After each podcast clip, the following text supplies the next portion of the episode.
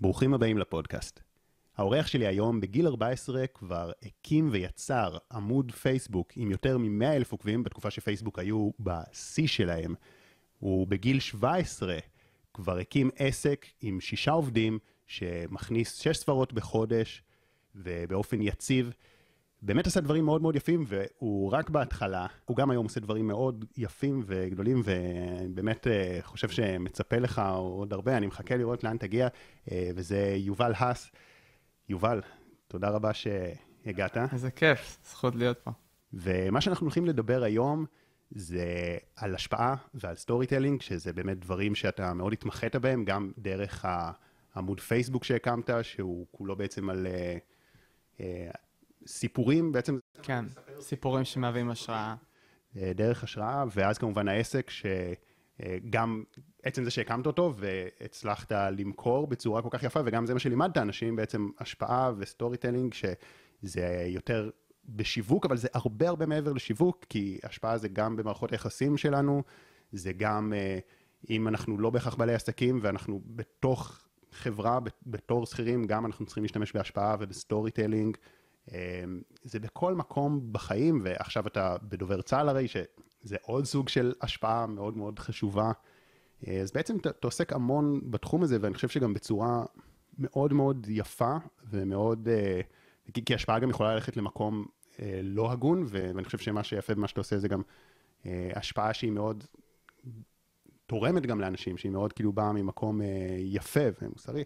ואנחנו נדבר היום על חמישה עקרונות, ו- וגם ככה נשאל אותך כזה, מה, מה, מה אתה עושה מפה, וקצת את הסיפור שלך, שזה, תחשבו, זה די, זה די מדהים, זה די מדהים מה שעשית, כאילו בגיל 14 לעשות דבר כזה, בגיל אה, 17, אני כבר יודע על כל מיני אנשים שאתה מהווה להם אה, מודל, אה, כל מיני חבר'ה שזה. אז איך, איך הגעת לזה? האמת לא מתוכנן כמו שנשמע, זה נשמע שבאמת ככה באתי ואמרתי יאללה, אני אהיה יזם בגיל צעיר, אבל זה ממש קרה בטעות. אני עד גיל 14 הייתי שחקן טניס שולחן, פינג פונג בשפה העממית, והייתי, זה היה כל החיים שלי. אני סיפרתי לכם קודם על קיצוניות ואיפה לקחת את המקומות רעים פחות, ותמיד הייתי מאוד מאוד קיצוני, והייתי מתאמן שש פעמים בשבוע, שש שעות ביום, כאילו ברמה שזה היה כל החיים, ואז בדיוק זה היה שנת הפריצה, טסתי לסין, נבחרת ישראל, שלישית בישראל, ובאתי להתקבל פנימייה בווינגייט, לגור שם, רציתי מאוד זה, בדיוק היה שם מקום שבאתי כבר להתקבל לעבור ונפצעתי בכתף. פציעה שהשביתה אותי ממש הרבה יותר, אני זוכר ממש את הרגע של הרופא אומר, צריך להיות עכשיו חצי שנה מושבת, לא לגעת במטקה, אמרתי, מה זה חצי שנה? מה אני אעשה עם החיים שלי חצי שנה? כל היום שלי. ושם אמרתי, כאילו זה היה רגע מאוד מאוד מאוד קשה, כי לקחו לי את החיים, ואמרתי, אוקיי, אם אני לא יכול להתאמן על היד, ניסיתי להתאמן, בכל זאת, כאב לי, המאמין צעקו תחזור הביתה, אמרתי, אני אתאמן על המוח. באמת לא סיפרתי לך את זה, אבל משם נחשפתי ל-NLP, ואמרתי, בוא נחשוב איך אני יכול להתכונן לאליפות הארץ שתהיה בעוד ארבעה חודשים, חצי שנה, שאני אחזור מהפציעה, דרך דמיון מודרך. התחלתי לדמיין ממש ספציפית נקודות, עם, צחקן, עם ממש עם השחקנים שאני הולך לשחק בתחרות, כי כבר היה שיבוצים בדיוק עם מי אני מתחרה, מי הולך בבית, מי ברבע, מי האנשים, ודמיינתי ממש סיטואציות ספציפיות, ועשיתי המון המון תרגילים של אימונים מנטליים, ואז ככה הלכתי לקורס NLP, שאני זוכר את הרגע הראשון שבאתי עם אמא שלי בוקר מבוא, מסתכלת על אנשים, אומרת לי, יובל, אני לא רואה פה אף ילד בגיל 14. ואני אומר לה, אבל אמא, מה זה משנה? שקי זה כלי אני מקבל כאן, איפה את רואה את זה בבית ספר? אומרת לי, יובל, מה זה שטויות האלה? פעם אחת, פעם אחרונה אתה מביא אותי למקומות האלה, אתה תשמע טראומות, דברים שהם לא לגיל שלך, וחודשיים ששכנועים שיחה אחר שיחה היא לא מרשה לי, בסוף איכשהו התשתי אותה, ורשמה אותי לקורס, והיה שם הרבה בעלי עסקים בקורס, ומשם פתאום ככה איזה בעסק אמר לי, יובל, אתה מאוד אוהב צילום ועריכה בתור תחביב, אין לך הרבה מה לעשות עם הטן שולחן כרגע, בוא תכין לי סרטון. והתחלתי, הכנתי לסרטון, במקרה הזה סרטון שהיה אמור להביא לו אנשים להרצאה, ואחרי כמה שבועות הוא אמר לי, יובל, הווידאו ממש כמעט מילא את ההרצאה, ופה באמת ככה התחלתי להתאהב בעולם אחר של עולם הווידאו השיווקי ושיווק, ופתאום התחלתי כזה, הרבה בעלי עסקים אמרו לי, יובל, תכין לי גם סרטון, תכין לי גם, והתחלתי ככה להפיק סרטונים בעלי עסקים. long story short, אחרי שנה התחלתי באמת, אחרי המון סרטונים, הקמתי את אוכלוסיית חמישה אחוז, שהגיעה למעל מאה אלף עוקבים, ומשם גם התחלתי להעביר על זה הרצאות וכנסים. מה, מה נתן לך את ה drive להקים עמוד כזה? שנותן כל כך הרבה ערך? תשמע, כמה דברים. א', בהתחלה זה היה מקום של בוא נשפר את האנגלית שלי, וא', על דרך ניתן ערך לאנשים. אמ, אני אישית מאוד אהבתי לצפות בסרטונים האלה, אני אחד שמאוד אהבתי התפתחות אישית השראה, וכל הזמן אני מודלים להשראה שהייתי צופה בהם באופן רפיטטיבי, אה, ברמה שיכולתי לצפות בסרטון השראה חמש פעמים, זה קלישאתי, המוטיבציה, אבל מאוד אהבתי את זה. ושלוש, זה פשוט היה בתקופה שפייסבוק הייתה ויראלית לחלוטין, וגם הרגשתי שפיצחתי נוסחה, וזה ממש היה חזר על עצמו. זהו, נגיד, אם אתם חושבים היום, 100 אלף עוקבים בפייסבוק, אתם אומרים, טוב, נו, מה זה פייסבוק? אבל אז כן. זה היה טירוף, זה היה מלא, בול. זה היה אנשים באמת ראו, זה היה באמת 100 אלף עוקבים. כן, כן, אז ממש. אמ, אז זה היה מאוד משמעותי, ואתה יודע, על הדרך למדתי הרבה עקרונות ויראליים, שמתי לב מה הולך יותר ויראלי, מה פחות, והכל. אמ, אז זה גם מאוד ככה כן, עזר. כן, באמת, אה, כאילו רשומים עליך הרבה מאוד סרטונים ויראליים, מה שנקרא. כן. ש... אוקיי, אז הקמת עמוד מאוד מצליח בפייסבוק, אה, אבל אתה גם לקחת את זה הלאה לרמה עסקית מאוד uh, גבוהה, כאילו, זאת אומרת, יש הרבה מאוד אנשים, היום זה פחות פייסבוק, אז אינסטגרם, טיק טוק, שמאוד מצליחים, ומגיעים לחשיפה מאוד גדולה, אבל הם לא מצליחים לעשות עם זה את הצעד הבא, ובסוף הם, הם אפילו עובדים בעבודות uh, שהם לא מצליחים כלכלית בכלל. כן. ואתה הצלחת לעשות את הקפיצה הזאת מעמוד, ש, שזה גם לא עמוד שאתה היית בפרונט שלו, לפחות uh, בהתחלה, והצלחת לעשות את הקפיצה הזאת. אז מעניין אותי מה, מה אפשר לך לעשות את זה. Um, שתי דברים שזכורים לי. Um, אחד זה uh, שותף, um, שהוא ליווה אותי כמנטור מלכתחילה, שמכיר אותו בשם מיכאל מלמדוב, ויש לו פודקאסט מדהים, וגם פשוט היה מנטור שלי, ואני מאוד מאמין בזה. אה, ושתיים, שאני עכשיו חושב שזה בכלל היה מאוד משמעותי, ובהקשר לעקרונות שאנחנו נדבר היום והכל, שזה דווקא עקרון השפעה על עצמי, שאני כל הזמן משתמש בו, שזה מקום של אה, סינדול, מחויבות חיצונית. אה, לקחתי עובדת שלא היה לי איך לשלם לה. אמ, אבל פשוט החלטתי, אני רוצה שתהיה לי עובדת, התחלתי בחצי משרה, והיה לי ממש הכנסה מאוד קטנה של כמה הפקות סרטונים, תוך כדי שאני בבית ספר עובד ומנהל אותה תוך כדי ההפסקות, והיא בבית שלי עובדת. אמא שלי באה הביתה, למה אני רואה בחורה בת 27 בבית שלך יושבת על המחשב? מי זאת? אמרתי לה, זה המשרד החדש, תכירי. אה, אבל מה שזה יצר לי, זה הכריח אותי לייצר כסף.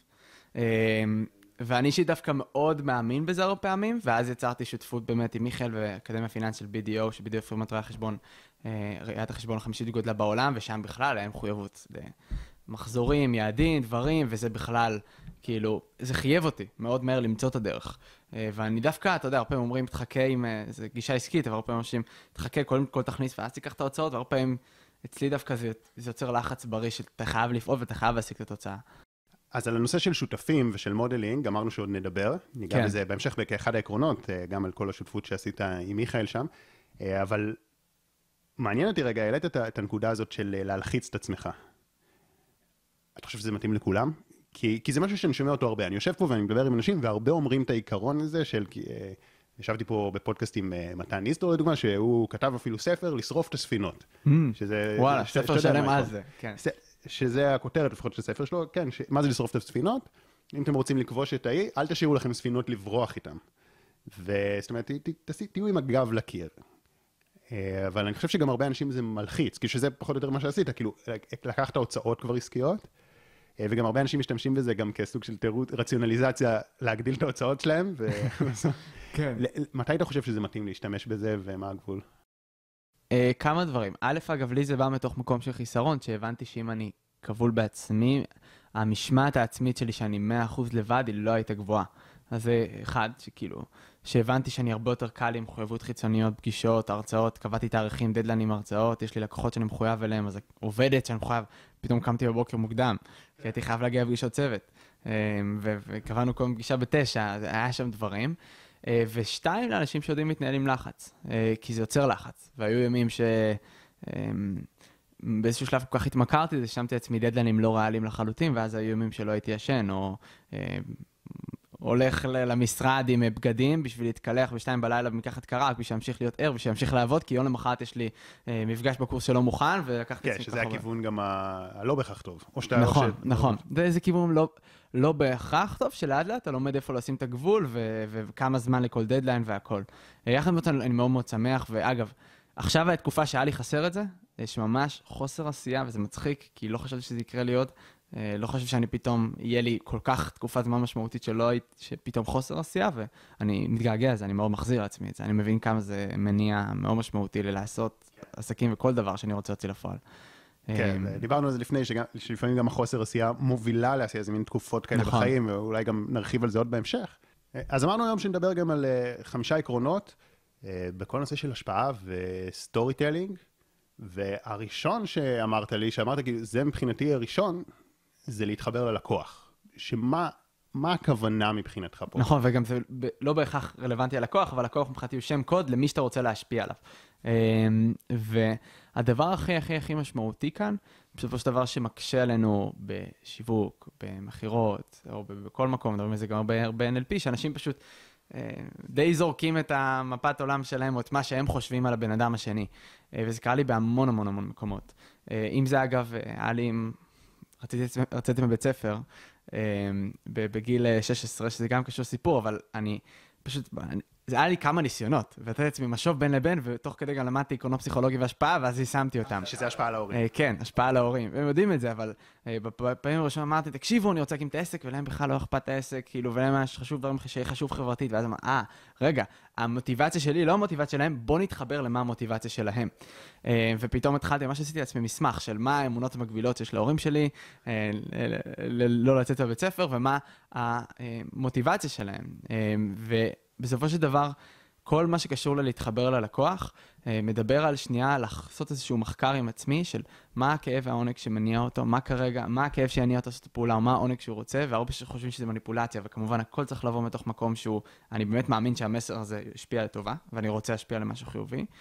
אה, בשיווק, אני סופר מאמין בכל מה שקשור לסקרים, שאלת שאלות, כאילו אני מבחינתי, הדבר הכי הכי הכי משמעותי זה לדעת מה המוטיבציה של, של הבן אדם שעומד מולך, איזה סוג בן אדם הוא, אה, כל מה שקשור לסגנון תקשורת, והאם הוא בן אדם שהוא יותר מקבל החלטות לבד בעצמו, והוא מאוד מאוד אינטרנל, שזה בן אדם שכאילו, אני זה שמקבל את ההחלטות, זה בא ממני, אני יודע. ואז מה הדרך שלך להשפיע? ואז אני מאוד מאוד מאוד ארצה שהרעיון יבוא ממנו, אה, ומאוד מאוד להרים לו, ומאוד מאוד אה, לה- להגיד, אה, ברשותך, אני אשמח להציע לך רעיון שאם אם אתה תרצה, אתה אתה תשמח זוכר לקחת מישהו אותו." כזה שהשפעת עליו? שהוא היה מאוד אינטרנט? אה, הייתי כל הזמן אנשים אינטרנל, שתי השותפים שלי, אה, ההורים, הכל, וזה היה מתוך מאוד מאוד מקום של כאילו, לא, כי, כי זו נקודה מעניינת. אתה בעצם אומר, אם אני מזהה, יש אנשים שהם, אה, אפשר להפעיל עליהם לחץ ולשכנע אותם, אבל אתה אומר, יש אנשים שהם צריכים לקבל את ההחלטה בעצמם. נכון.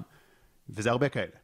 אז איך אתה מוביל בן אדם כזה, אתה מוביל אותו בדרך שהוא ירגיש שהוא, שהוא קיבל את ההחלטה, שזה בפועל מה שאתה הובלת אותו, זה כאילו זה משהו דווקא מאוד מעניין. כן, זה מעניין, האמת, זה מאוד מאוד חשוב באמת, אה, מול הבוס, מול שותפים, מול הורים, מול המון המון מקומות. כי זה נשמע לי כזה מין קטע מדהים כזה, שאם אתה יכול להשפיע על בן אדם בלי שהוא יודע, והוא מרגיש בול. שהוא קיבל את ההחלטה, אבל בעצם אתה הובלת אותו להחלטה הזאת. כן. שאגב, זה, זה גם בדיוק הקטע שזה נשמע מניפולטיבי, אבל אני חושב ש... כי אני חושב שהנחת היסוד היא שאתה בסוף רוצה להוביל אנשים לדברים חיוביים. זה, לגמרי, בסוף השפעה זה כלי, זה כמו, זה כמו. סכין, אתם יכולים להשתמש איתו ל... ממש. בול לחתוך אוכל. וסלט, או... כן. כן, אני, גם, גם מטאפורה זה סוג של כלי השפעה, כן? לגמרי. שגם מטאפורות יכולות להיות מניפולטיביות או יכולות להיות אה, יפהפיות. אה. כן, אבל, אבל אמרנו שפה, שפה היום אה, נדבר כאילו על, ה, על התכלס, איך עושים את זה, זה, זה נשמע לי משהו מדליק לאללה. Uh, לגמרי, אז, אז יש פה כמה דברים. א', זה המון המון דיבור um, של um, המקום של קודם כל להרים לבן אדם ולתת לו באמת את התחושה של אתה זה שיודע מהניסיון שלך, uh, המון מקום של ברשותך, אם, אם זה בסדר, אני אשמח להציע לך משהו, הצעה. uh, זה בגדר הצעה ואתה תיקח את זה אם מתאים לך. ואני אשמח גם שתוסיף איזה נגיעות שלך, כי חסר לי פה דברים. אני כל הזמן ארצה לתת לבן אדם, גם אם זה רעיון שלי, את התחושה שאתה אתה קובע את ההחלטה. אז אני אשאל שאלה, תשמע, ואין לי פה הרבה את הניסיון, וזה הרבה דברים שצריך לעשות, גם אם אתה יודע שהם לא נכונים, אתה חייב לתת לבן אדם את התחושה, ועשיתי באמת המון פעמים, שהבן אדם האחר הוא זה שקובע ומחליט. אם אתה יודע שהוא פשוט לא יקבל, הוא לא יהיה פתוח אח- אחרת. אז אני אשמח, זה רעיון שאני מאוד מאוד אשמח להציע לך, אשמח לקבל משוב, תגיד לי איך אתה חושב שכדאי להוביל אותו, אה, או הנה שתי אופציות, שזה אנחנו מכירים, הצעה די אלטרנטיבית, אז אה, שהילד בא לאימא שלו ואומר לו, אמא, אני- את יכולה לקנות, לקנות לי ביסלי או במבה, אז אה, הוא מניח שהיא תקנה לו משהו, אז זה ב- מאוד מאוד דומה, אבל האמא מרגישה שהיא מקבלת את ההחלטה. אה, אז שם, אה, שפת הת"פים, שזה למדתי ממיכה שותף שלי, שאסור לדבר בת"פים, בתעשה, בתביא, באנשים כאלה שהם אינטרנל עם אגו, שונאים את זה. למדתי באמת שהרבה יותר משמעותי להיצמד לעקרונות מאשר לטכניקות, כי טכניקה זה משפט, אבל כן. העיקרון הוא הרבה יותר אה, נצחי ורלוונטי. כאילו אתה אומר עם רפור, אז, אה, אז העיקרון זה בסופו של דבר שאני רוצה להיות באופן כללי באנרגיה של הבן אדם. והטכניקה זה שאם הוא שם את היד על הראש, אני שם את היד על הראש. אז כאילו פחות חשוב הטכניקה של לשים את היד, אלא יותר, אני רוצה להיות באנרגיה הרגשית כן. של הבן אדם. ואם ניקח דוגמה משיווק או מכירות, אז זה לא משפט שאני אצטט בדיוק את אותו משפט מהתסריט, אה, ואגיד לו בדיוק את המשפט הרלוונטי בהתחלה, וישאל אותו, וישאל אותו למה בדיוק חשוב לך לקנות את המוצר עכשיו, ויגיד לו בדיוק את הטכניקה הזאת, או בדיוק את התסריט כן. שיחה, אלא הרבה יותר בתסריט שיחה, בחלק של התנגדויות, אני רוצה להתחבר ולהגיד לו, לשדר את האמפתיה. כן. אה, או שאני ארצה ליצור אווירה מסוימת, שלא לחוץ לי שתקנה, הכל בסדר, וזה עקרון ה framing, אבל זה, זה הרבה יותר באמת העקרונות, אה, כי כשאתה מצטמד לטכ... נצמד לטכניקות זה נהיה יותר מדי כן. מכירתי, ודבר השני שלמדתי, שאתה נצמד לטכניקות השפעה יותר מדי, אה, אז אתה פועל הרבה הרבה יותר לאט ולא חד. אה, דניאל קהלמן מדבר על זה בספר שלו, לחשוב מהר, לחשוב לאט, שיש את המערכת האינטואיטיבית ואת המערכת התבניתית יותר, וככל שאתה יותר מודע ומנסה לחשוב על זה ברמה הלוגית באותו זמן, אתה פחות אינטואיטיבי, פחות זורם, ומרגישים את זה. וזה דבר שהטעיתי בו הרבה. כן, ואז זה נעשה מלאכותי. אני חושב, אם עולה לי מטאפורה ככה שממש מנסה לתאר את זה, אז בסוף אתה צריך איזושהי תקופה מסוימת שזה יהיה אולי קצת מלאכותי, אבל נגיד כמו שאתה לומד ריקוד, נכון. אה, אתה יכול ללמוד בהתחלה את הצעדים ולספור לך בראש, אחת, שתיים, לספור, לספור את הקצב של המוזיקה בראש, ואז אתה, אתה קצת לא בריקוד, כי אתה סופר את המוזיקה ואתה עושה את הצעדים, אבל בסוף זה יוצא לך אינטואיטיבי וזורם. נכון. ו- זאת אומרת, אז צריך, אין מה לעשות, צריך איזו תקופה כזאת שדברים יוצאים קצת מלאכותיים, אבל בסוף כמובן שהמטרה היא לעבוד עם הרגש. יחד זאת, גם כשאתה במודעות לדוגמה, ויש המון המון המון טכניקות, הגישה שאני מאוד מאמין בה זה לא לעשות הכל בבת אחת, כי אז זה שוב מתחרבב, וגם אתה תפסתם הרבה יותר תפסת, כלומר, אני אקח את הרפור, עכשיו אני על רפור, אה, ואני אתאמן איזה חודש או תקופה מסוימת, ועכשיו זה גם מול במה הייתי עושה את זה כל הזמן, ועכשיו אני על נשימות, אז הייתי רק על נשימות, אה, בין משפטים כדי לא לדבר מהר, או בכל מקום, אה, ואז זה עזר יותר להתמקד ולהטמיע את זה כהרגל. כי אם אתה עושה את זה תקופה קצרה והוא לא הופך להרגל, אז אין לזה משמעות. אז מעניין, האמת, יש לך עוד, אתה יודע, כשאתה סיפרת על ההורים שלך, אז חשבתי גם כזה על דברים שאני שמתי על ההורים שלי בהקשר הזה, כאילו, בגיל יותר צעיר, ש... של להתחבר לראש שלהם, um, שזה היה פחות על אינטרנל אקסטרנל, אלא יותר על הרגש מול לוגיקה. נגיד, Mm. אני בן אדם כזה, כאילו, מאוד, כאילו, חושב בסיבה, תוצאה כזה, בנימוקים, בהסברים, בלוגיקה, ואבא שלי, כאילו, עזוב אותו מהשטויות האלה. כאילו, בן אדם כזה מאוד אה, אינטואיטיבי, רגשי, הוא גם לוגי, אבל יש לו כאילו מאוד קבלת החלטות שהוא הוא לא רוצה להרגיש שהוא מקבל מהשכל, אלא מהאינטואיציה כזה, מהלב. גדול. אז לפעמים אתה רוצה כזה למנוע עכשיו אה, דיון, ויכוח, אז במקום להגיד לו, אתה יודע, זה נשמע לי מאוד הגיוני לקבל את ההחלטה הזאת והזאת והזאת. במקום זה להגיד, זה מרגיש לי נכון. יש לי איזו תחושת בטן כזאת לקבל את ההחלטה. אתה יודע, ואז אתה יודע שאתה תקבל את האישור שלו. כן. כאילו זה, כאילו לא, שוב, זה לא, זה אבא שלי, זה פחות כאילו איזה משהו עסקי או ויכוחים, כאילו זה לא באמת משנה, אבל זה עדיין, זה, זה מצחיק לראות עד כמה ה, לפעמים המילים שאתה משתמש בהם כל כך משפיעים על ה... לגמרי. זה, זה מאוד מאוד משפיע. אה, ובהקשר מה שאמרנו, להתחבר ללקוח, הסיבה שזה מאוד מאוד קשה, כי באמת יש הרבה הרבה רגש שאני לא חושב באופן מודע, ומה שאני אה, מאוד מאוד עזר לי, וזה גם הייתי עושה את זה בשיווק כל הזמן, וזה, זה שנייה להתנתק מה, מהרגש או מהסיטואציה, ולחשוב שנייה על הבן אדם, רק מהנקודת מבט שלו, מה האמונות, אני הייתי רושם את זה, אני אחד של כל הזמן רשימות וקיטים וטמפלטים ו- ו- והכל, והייתי מאפיין ככה, וגם כשאני עושה שיווק וגם מכירות, אה, אני, אני ממש כאילו, רק דוגמה בעלי עסקים שבאים הי- היינו לפני שהם מעלים פוסט אחד, שלושה שבועות או שבועיים, הם רק מדברים עם לקוחות טלפונים ורושמים מה מניע, מה, מה ההתנגדויות, למה הם רוצים לקנות, למה לא, מה ההתנגדויות, ואז משם כל המשפטים שהם אמרו להם מלקוחות, זה המשפטים שהם יכתבו בפוסטים. כלומר, אני ממש מאמין בלצטט את הלקוח ולהגיד מה ש... להש... להשפיע על מה שמניע אותו. אמ, זו, זו הגישה שהכי השתמשתי בה. וזה זה תכלס לא קל לעשות את זה, אני חושב שהרבה אנשים לא עושים את זה כי זה, אה, אני רוצה למכור, אני רוצה לרוץ. כן, כן, זה דורש באמת סבלנות. זה, זה דורש הרבה סבלנות. בסופו של דבר זו הדרך הכי טובה, כי אתה כל הזמן בפידבק. אתה כל הזמן שומע תגובה, ואתה יכול לקבל משוב מקהל היד ולהבין שנייה מה עובד, מה לא, להבין מלפני כן מה האמונות, אתה, אתה מחובר לצד המושפע. אה, וזה העיקרון הכי הכי משמעותי. אוקיי, אז אחרי שהבנת את הבן אדם, עיקרון השפעה נוסף, ואולי הכי חזק שיש, שדיברנו עליו, זה storytelling.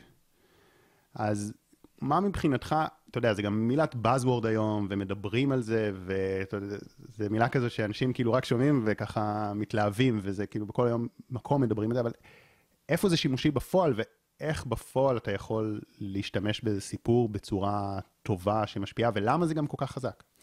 אמ, אני חושב שיש איזשהו, במיוחד אגב עם אנשים שהם אינטרנט שדיברנו על זה מקודם, או באופן כללי, במקום שאנשים יש להם חס... איזשהו חסם להקשיב לך, שזה בדיוק המקום שאנחנו רוצים להשפיע, אנשים שלא פתוחים למה שאני אומר. איזשהו מקום שאם אתה תגיד להם, תקשיב, מה שצריך עכשיו לעשות בעסק זה לשנות את המוצר, והם לא, והם לא רוצים, הם פשוט לא יקשיבו. וכשאתה מספר סיפור, ואתה אומר, הבחור הזה ששינה את המוצר וזה התוצאות שהוא עשה, אתה לא יכול להתווכח עם, עם העובדה, כי אתה מספר איזשהו סיפור מנקודת מבט חיצונית. אמ, ואגב, היה לי בדיוק היום הרצאה על זה, של, שדיברתי על, על הכוח של אה, ניתוק מסיטואציה, אה, שראו שם... אה, אמ, הראיתי דוגמה שם של, אמ, של נהג ש, ששוטר בא אליו ואומר, אתה, למה עשית מהר? אתה צריך לקבל דוח. והוא מתחיל לספר סיפור, רגע, אתה יודע איפה תחנת הדלק? גם אני שכחתי איפה הייתה תחנת הדלק, זה ממש מגיע למצב שאתה עומד במקום מסוים, אתה יודע מה אתה צריך לעשות ושוכח למה אתה שם. מה שהוא בעצם מביא רוב את התמודה, תשכח את זה שאתה צריך לתת לי דוח. והבן אדם הזה פשוט נתן לו להמשיך לנסוע והעביר את המסר דרך סיפור, אה, במסר מאוד מאוד עקיף. אז כל הסיפור הוא מאוד מאוד מאוד עקיף. אמ, ומאפשר להעביר את המסר בצורה הרבה יותר רכה, ואני חושב יותר מזה, הוא, צמ... הוא נצמד אליו הרבה רגש, אה, שזה מה שהרבה פעמים חסר. דיברנו על אנשים לוגיים ואנשים אה, רגשיים, ורוב האנשים הם רגשיים. אמ, ואגב, גם אנשים שהם לוגיים, הם עדיין יכולים לקנות מ... מרגש, אני, אני רואה את זה.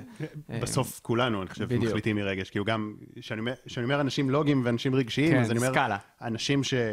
יותר כזה חושבים בנימוקים והסברים, ושזה יותר מעניין אותם, אבל כאילו בסוף כן, כולם מקבלים החלטות רגשיות. גם דיברנו על זה לפני, כי ככה דיברנו קצת כאילו על קבלת ההחלטות שלך, דברים כאילו שאני צריך לקבל עכשיו החלטות. ו... וכאילו, אני מאוד מודע לכל מיני השפעות רגשיות שיש עליי עכשיו בכל מיני קבלת החלטות. אה, אז ו- וגם באמת דיברנו על זה, כאילו, האם, עד כמה צריך לתת לזה להשפיע עליי, טוב, אז זה כבר אה, כן. נושא אחר לגמרי של, אה, כאילו, כן, בסוף, בסוף האינטואיציה זה דבר נפלא, כאילו, אני חושב ש...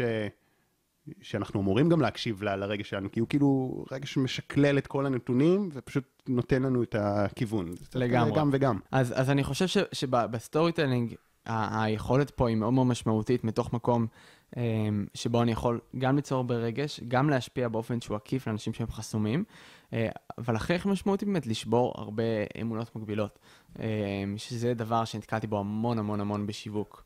אמ, התעסקתי המון המון במקום של אה, אה, בעלי עסקים שחוששים מצלמה, אז הדרך הכי הכי הכי טובה אותנטית וכנה הייתה פשוט אה, להראות את הסרטון הראשון שלי ולהסביר כמה לי קשה להצטלם, וסיפרתי להם עליך איך, ממש אני צוחק על עצמי.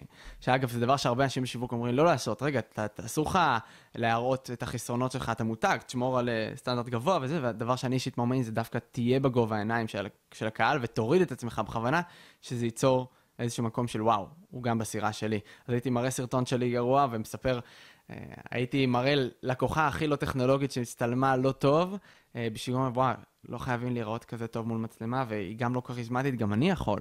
אה, כל המקום הזה של החסמים ואמונות מגבילות, ואחד מהדברים ברמה הפרקטית, אם אני רוצה לראות איזה פרקטיקה, אני ממש תמיד הייתי עושה רשימה של קהל היעד הקהל שאני רוצה להשפיע עליו, מה הם אותן אמונות מגבילות שיש להם, מה הם כל ה... אני רוצה אבל, זה יקר, אבל... אה, תשמע, זה לא יתאים לי כי זה לא הזמן, או איזושהי אמונה מגבילה, ומשם איזה סיפור של מישהו שגם היה לו את האמונה המקבילה הזאת, והוא התגבר עליה, אני יכול לספר. אה, וזה כמעט תמיד היה הפתרון שהשתמשתי בו. כן, אני חושב שגם נגעת פה בעוד עיקרון, שזה גם החיבור שזה יוצר, כאילו שזה מקרב, כי אתה עומד כזה על במה, ואתה כבר עסק, ואתה עושה את השצפורת, והם כאילו, עוד כזה לא התחילו. ואז פתאום הם יכולים להרגיש אליך חיבור, שככה אומרים, טוב, בסדר, זה יובל, כאילו, הוא, הוא ילד פלא, הוא מוכשר, זה גם יוצר את החיבור הזה.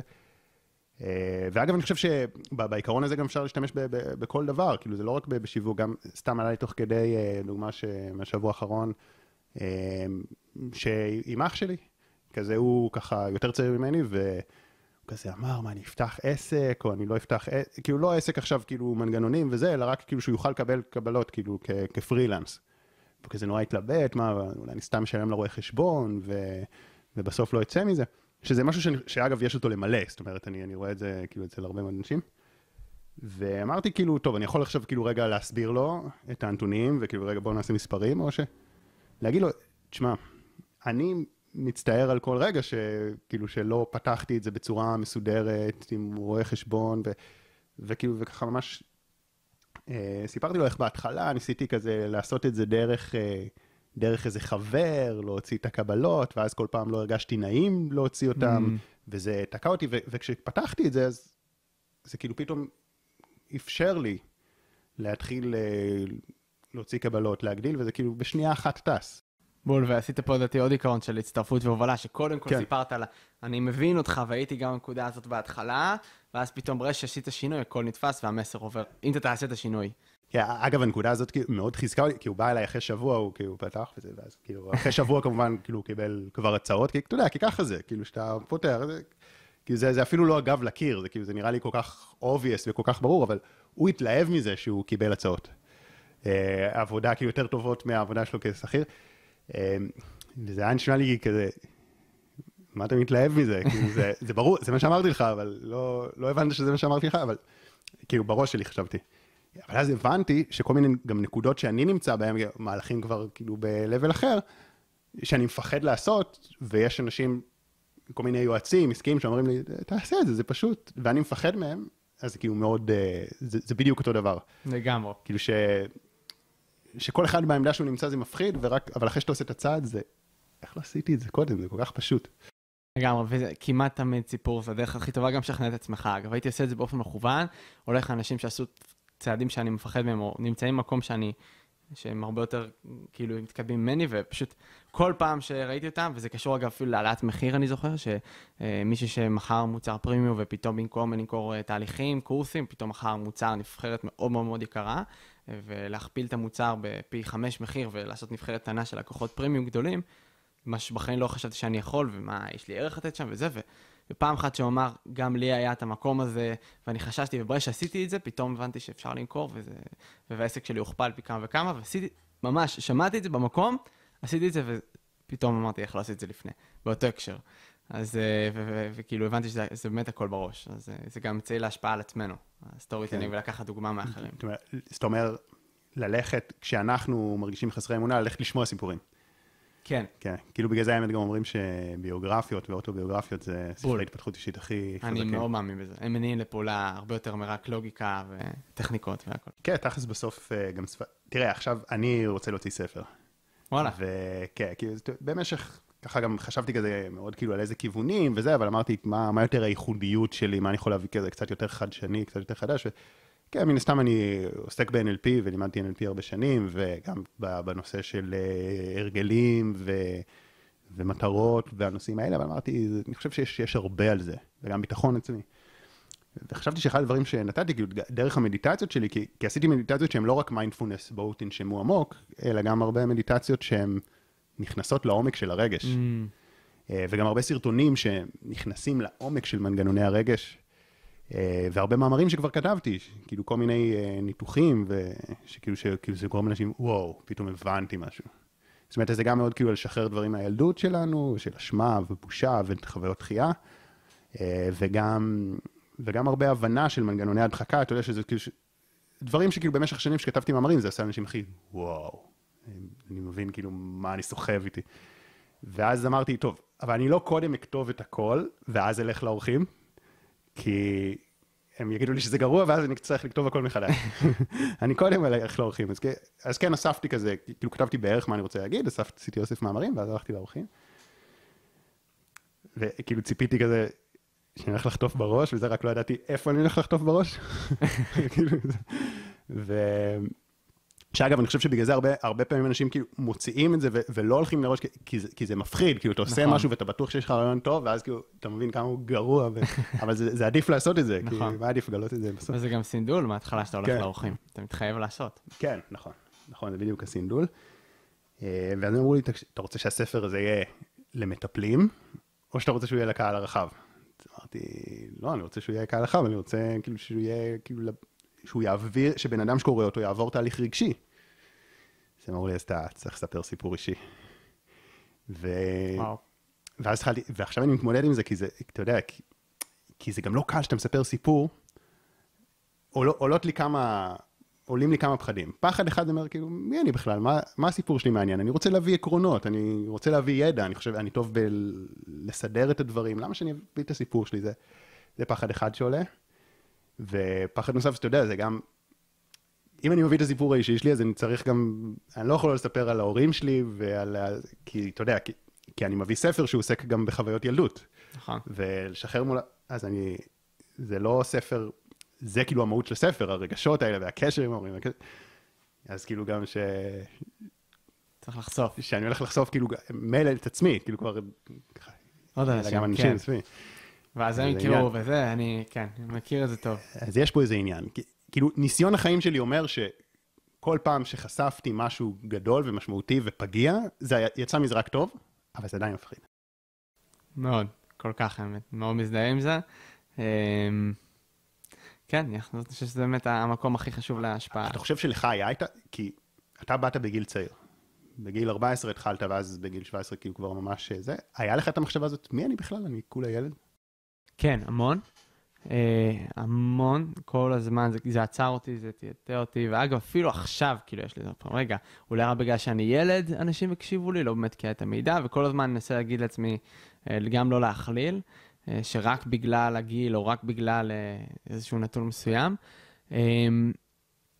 אני חושב שמה שנתן לי כל הזמן את, ה, אה, את ההשראה, זה, אגב, זה מנטור ש, שכל הזמן למדתי מהם, בשם ראסל ברנסון, שכל הזמן אמר, אתה לא צריך להיות הדוקטור של הדוקטורים בשביל ללמד או להעביר משהו לאנשים אחרים, אתה צריך להיות רק כמה, אה, כמה מטרים או לפני אנשים, להושיט להם את היד ולקחת אותם למקום שלך. אה, ממש את המטאפורה של טיפוס סולר, אתה רק צריך להם את היד, לקחת אותך למקום שאתה נמצא בו, וזה זה מי שאנשים מחפשים, והם לא מחפשים היום דוקטורים שמלמדים תיאוריה, הם מחפשים אנשים שעושים את זה. ואמרתי לעצמי, אתה עשית את זה, אז גם אם אתה עדיין אין לך אולי את כל התואר או את מה שאתה בשיווק, אתה עושה את זה בפועל. אמ, אז זה, זה הדבר ככה שהכי נתן לי את הביטחון. ראיתי את הערך, ראיתי את התגובות שאנשים מקבלים מזה, אה, וכמה הם פתאום, זה נותן להם השראה, איך התוצאות שלהם בעסק וכמות הלקוחות שהם מביאים.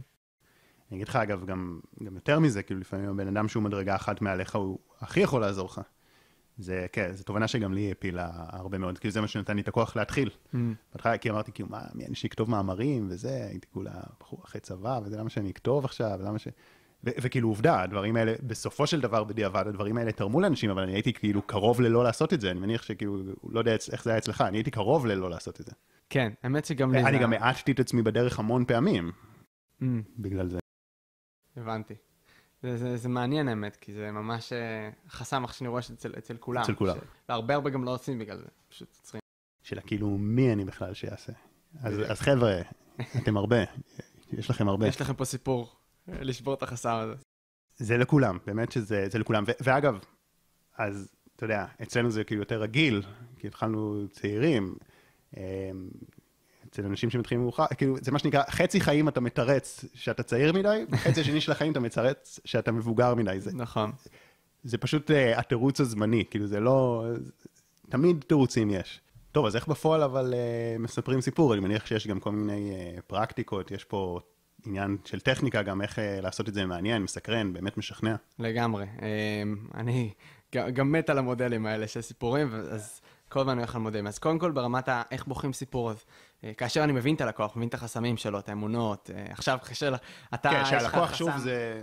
הלקוח זה לקוח, כל כן, בן אדם. שאני רוצה להשפיע עליו, שאנחנו בדיוק. להשפיע אה. אז אני מבין מה, מה עם ההתנגדויות שלו וכל האמונות המקבילות, אה, ואז אני ארצה ליצור כמה שיותר סיפור שייצור הזדהות. כלומר, עכשיו אתה אומר, אה, אבל אני חושש להוציא ספר, סתם קח את זה כדוגמה לא אמיתית, אבל יש לך את החשש הזה, אז אני ארצה לחפש סיפור שמי שהיה לו גם את החשש הזה, או איפה לי זה היה במקום אחר אולי בחיים, ואז אני מתחיל, גם לי את הקושי הזה. ותמיד אני מחלק כל סיפור לארבעה שלבים מרכזיים, אני קורא לזה מודל כשפע, כאב, אה, שריפה, אה, התגלות, אה, התג... סליחה, כאב, שריפה, פתרון, עונג.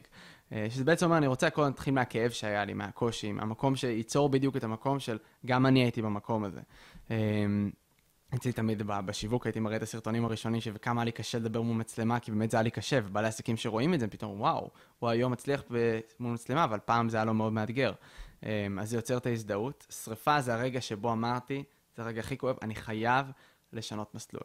אני חייב, זה הרגע שאני רוצה, הפך מאני צריך, הפך לאני רוצה, להפך לאני חייב. אני חייב לעשות שינוי, אני חייב לצאת מהכאב שאני נמצא בו, אני חייב לתת במשקל, אני חייב לכתוב את הספר, אני חייב משהו.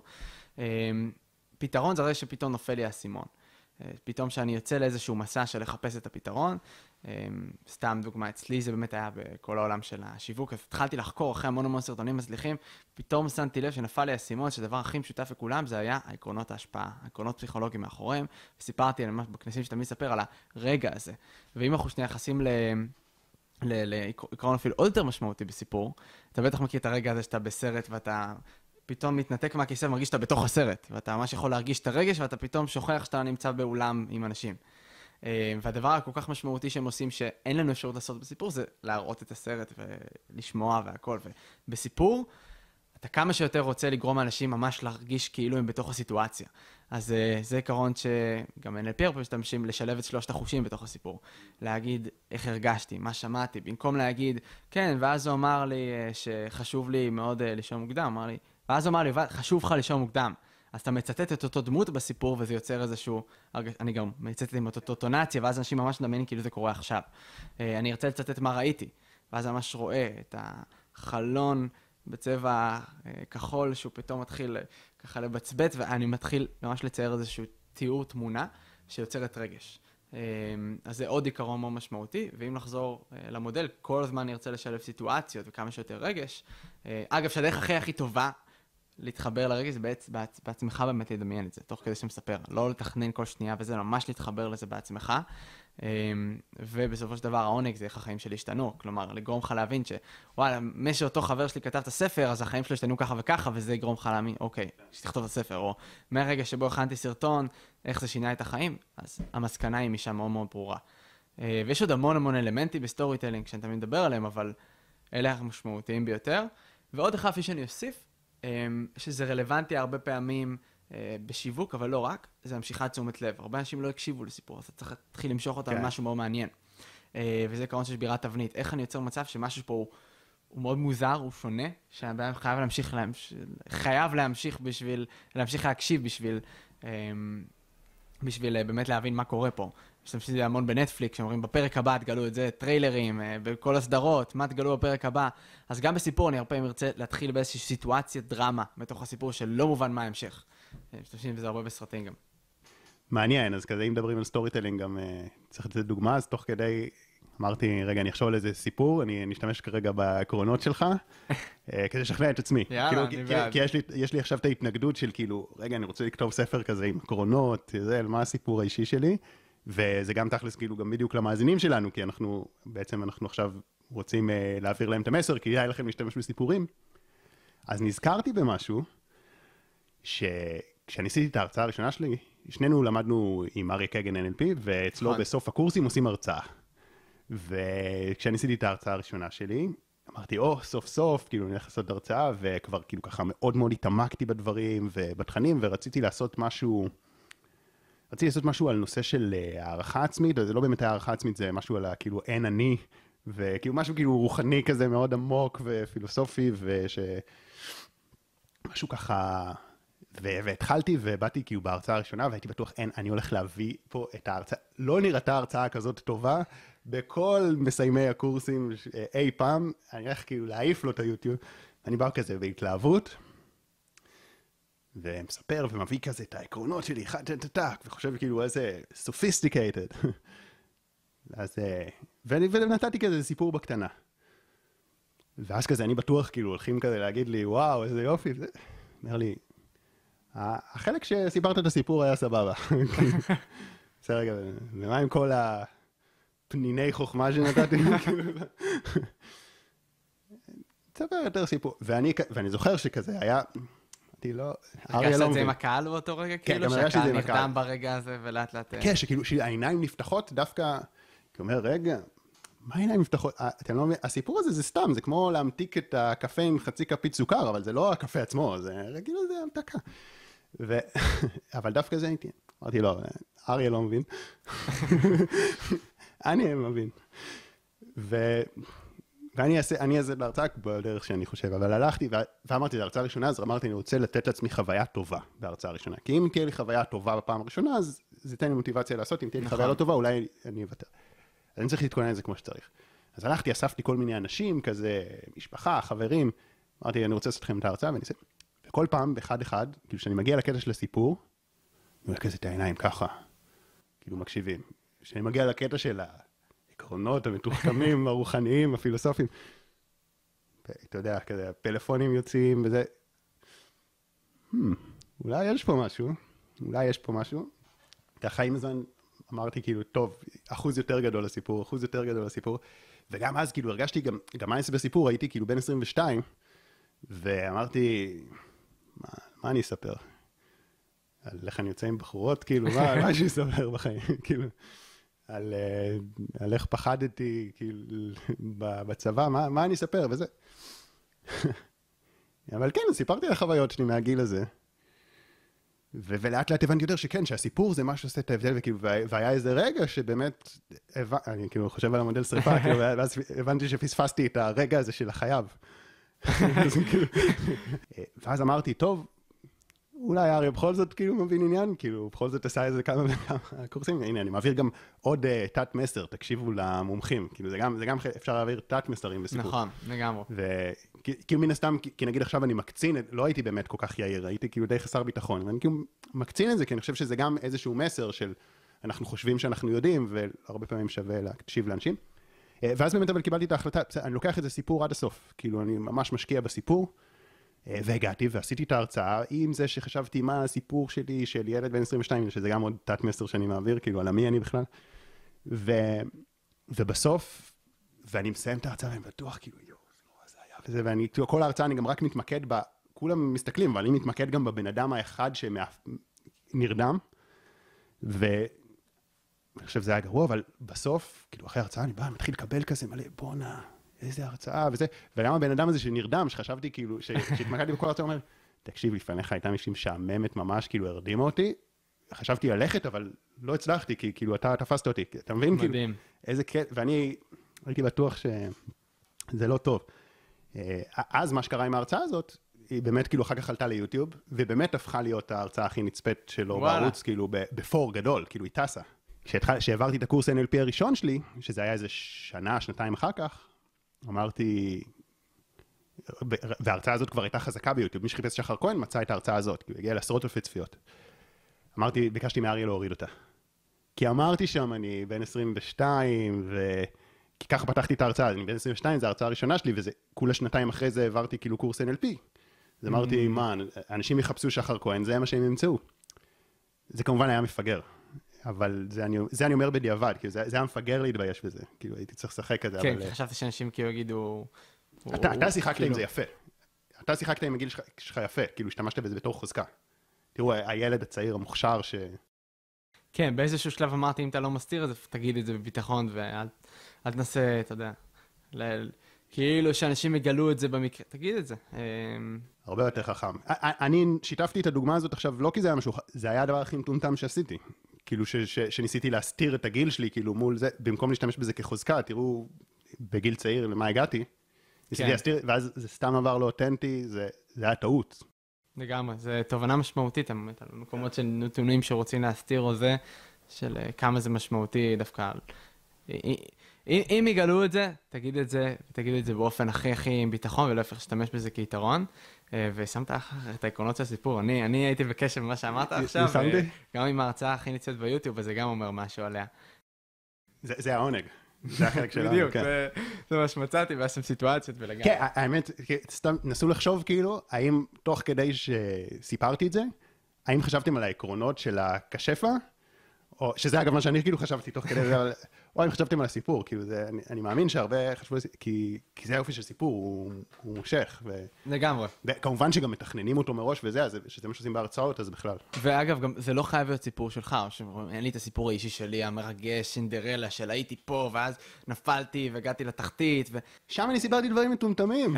כן? עדיין שהם הקשיבו. אמ, סיפרתי על איך הייתי ילד חסר ביטחון, וכאילו... אני אפילו לא זוכר מה סיפרתי, אבל כן, מה, מה היה לי בגיל 22 לספר? כן. על איך ניסיתי להתחיל עם בחורה והיא דחתה אותי, כאילו. הבנתי. אמ, כן, אז גם לא חייבים את הסיפור הכי חזק, ויותר מזה, גם לא חייבים סיפור שלך. באיזשהו שלב הבנתי שסיפורים זה נכס כל כך חזק, שיצרתי עצמי טבלה באיירטבל כמו גוגל שיטס.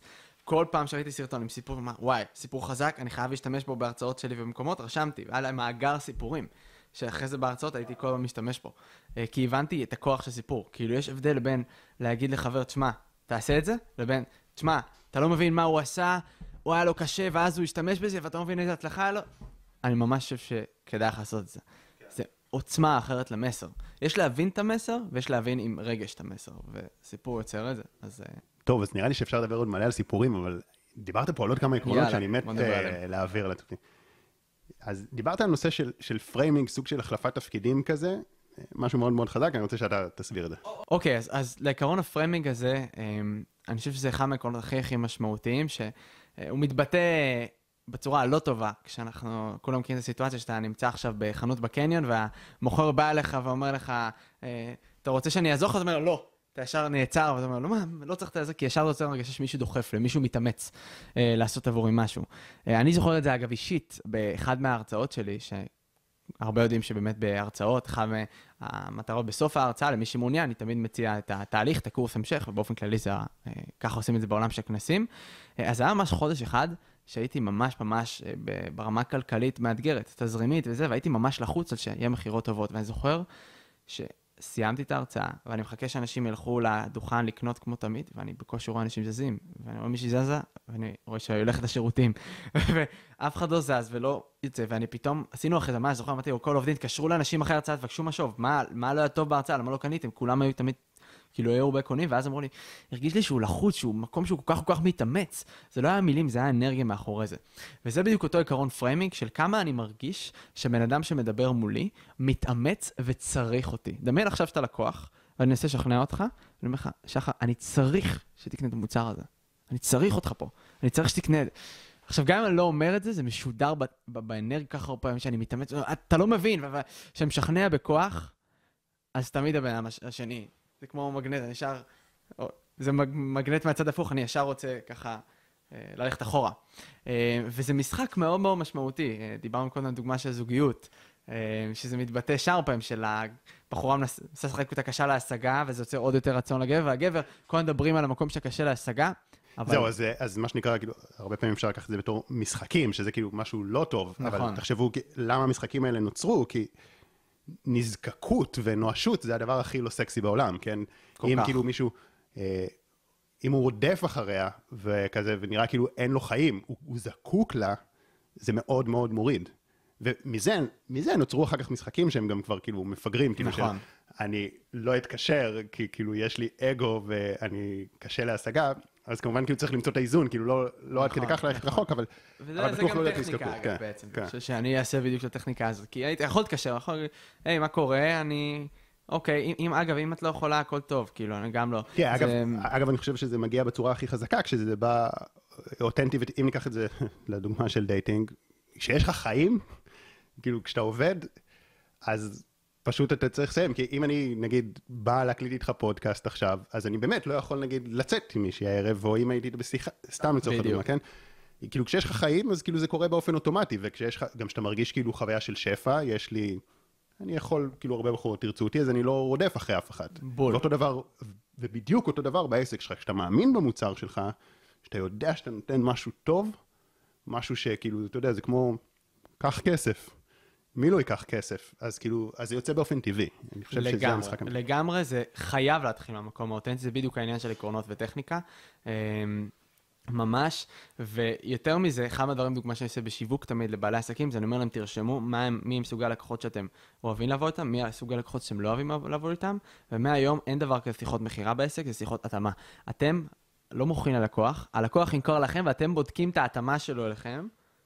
כי אני. באמת מאמין, ואני אגב באמת מעלים מזה בתהליכים שלי פרים שהשקעתי זמן ללקוחות, היו לקוחות שאמרתי להם לא על המון כסף, כי אמרתי, אני חושב שאני לא אוכל לעזור להם. אני לא רוצה שישלמו לי כסף אם אני לא אוכל לעזור להם, וגם פחות יהיה לי כיף לעבוד איתם.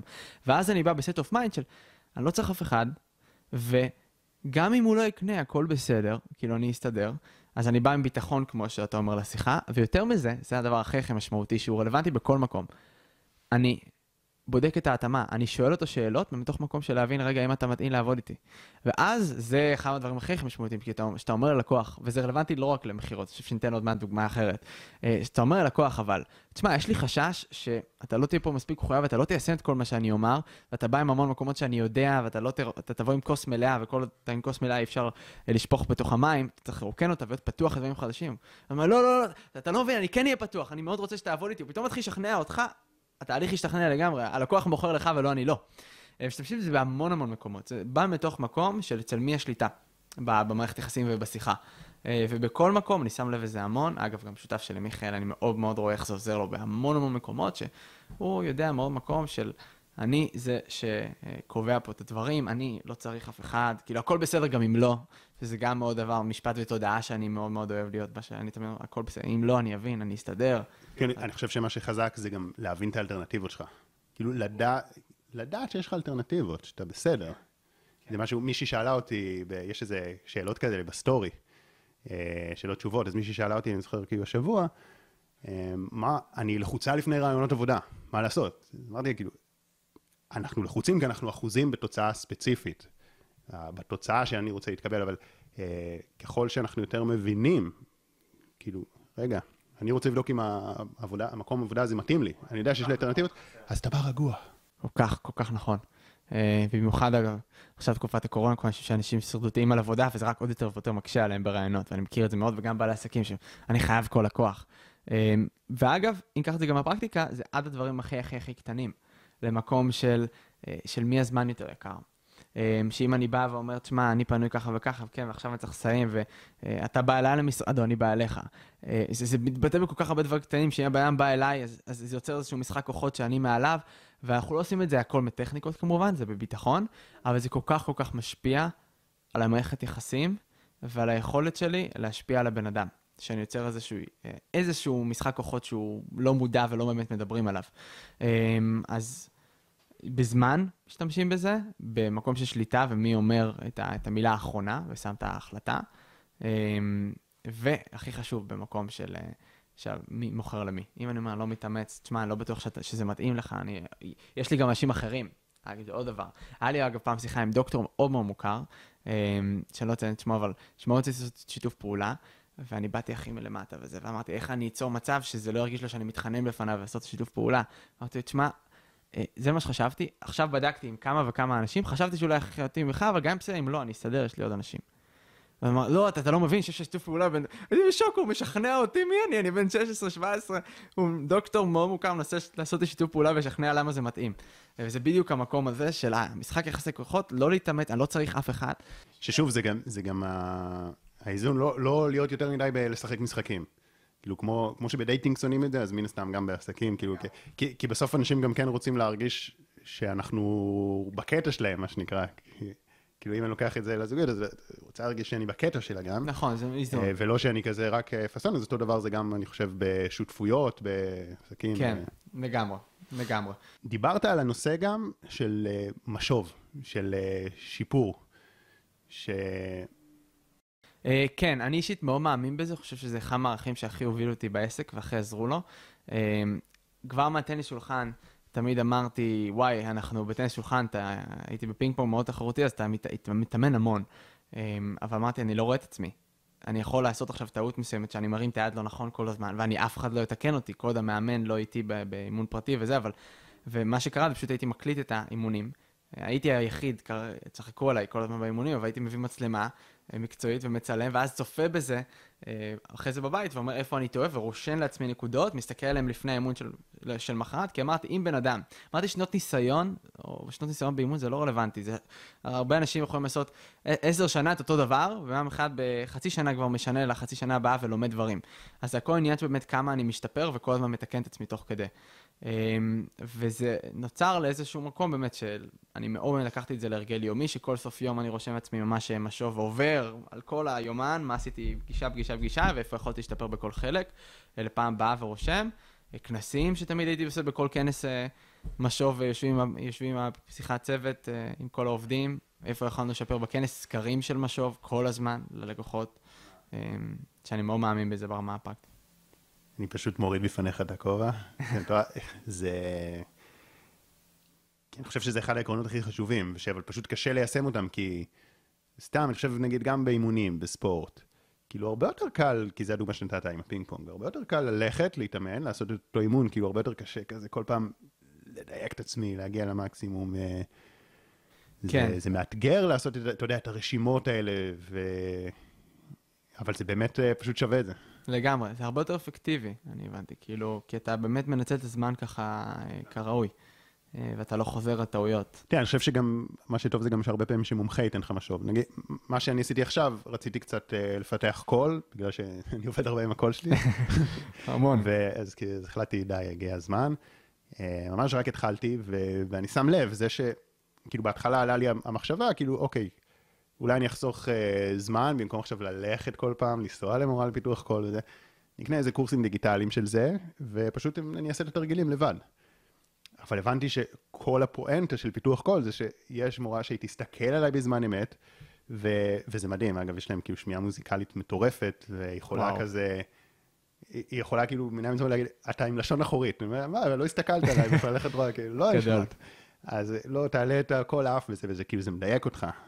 משהו שעכשיו באמת כאילו, כמו שאתה אומר, זה שאני התאמנתי בדיבור במשך כל החיים, כמו כולם, לא הפך אותי ליותר טוב, להפך, זה רק הנציח לי הרגלים גרועים מסוימים של אה, שימוש בדיבור, שגרמו לצרידות, שגרמו לדברים לא טובים. Mm. אז כאילו לא רק אימון שהוא לא מכוון, הוא לפעמים אפילו יכול להנציח הרגלים גרועים.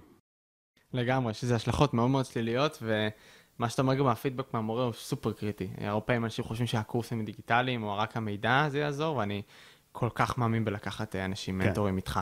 ש- שאני אגב מאוד אוהב קורסים דיגיטליים, כי, כי יש להם יתרון אדיר, הם נוחים, הם תמיד יהיו זולים יותר, אני חושב שזה, ואני משתמש בהם הרבה. כן. גם בתור תלמיד הכוונה. אבל זה לא רק, אה, נראה לי. פשוט, פשוט לא רק, בדברים צריך להבין גם איפה זה מתאים ואיפה פחות. נכון. יש מקומות שאתה לא יכול לתת משוב לעצמך. מאוד כן. מאתגר כן. לתת משוב כן. לעצמך. כן, תראה, אני חושב שקורסים דיגיטליים, מה שטוב בהם, אם מישהו הכין קורס דיגיטלי איכותי, בקורס live מתבזבז הרבה זמן על שאלות, נכון. תשובות. איכות גבוהה. קורס דיגיטלי, כאילו בן אדם שהכין אותו כמו שצריך, הוא הקליט אותו, הוא ערך את זה, הוא עושה את זה כמו שצריך, לפחות ככה אני עושה את זה.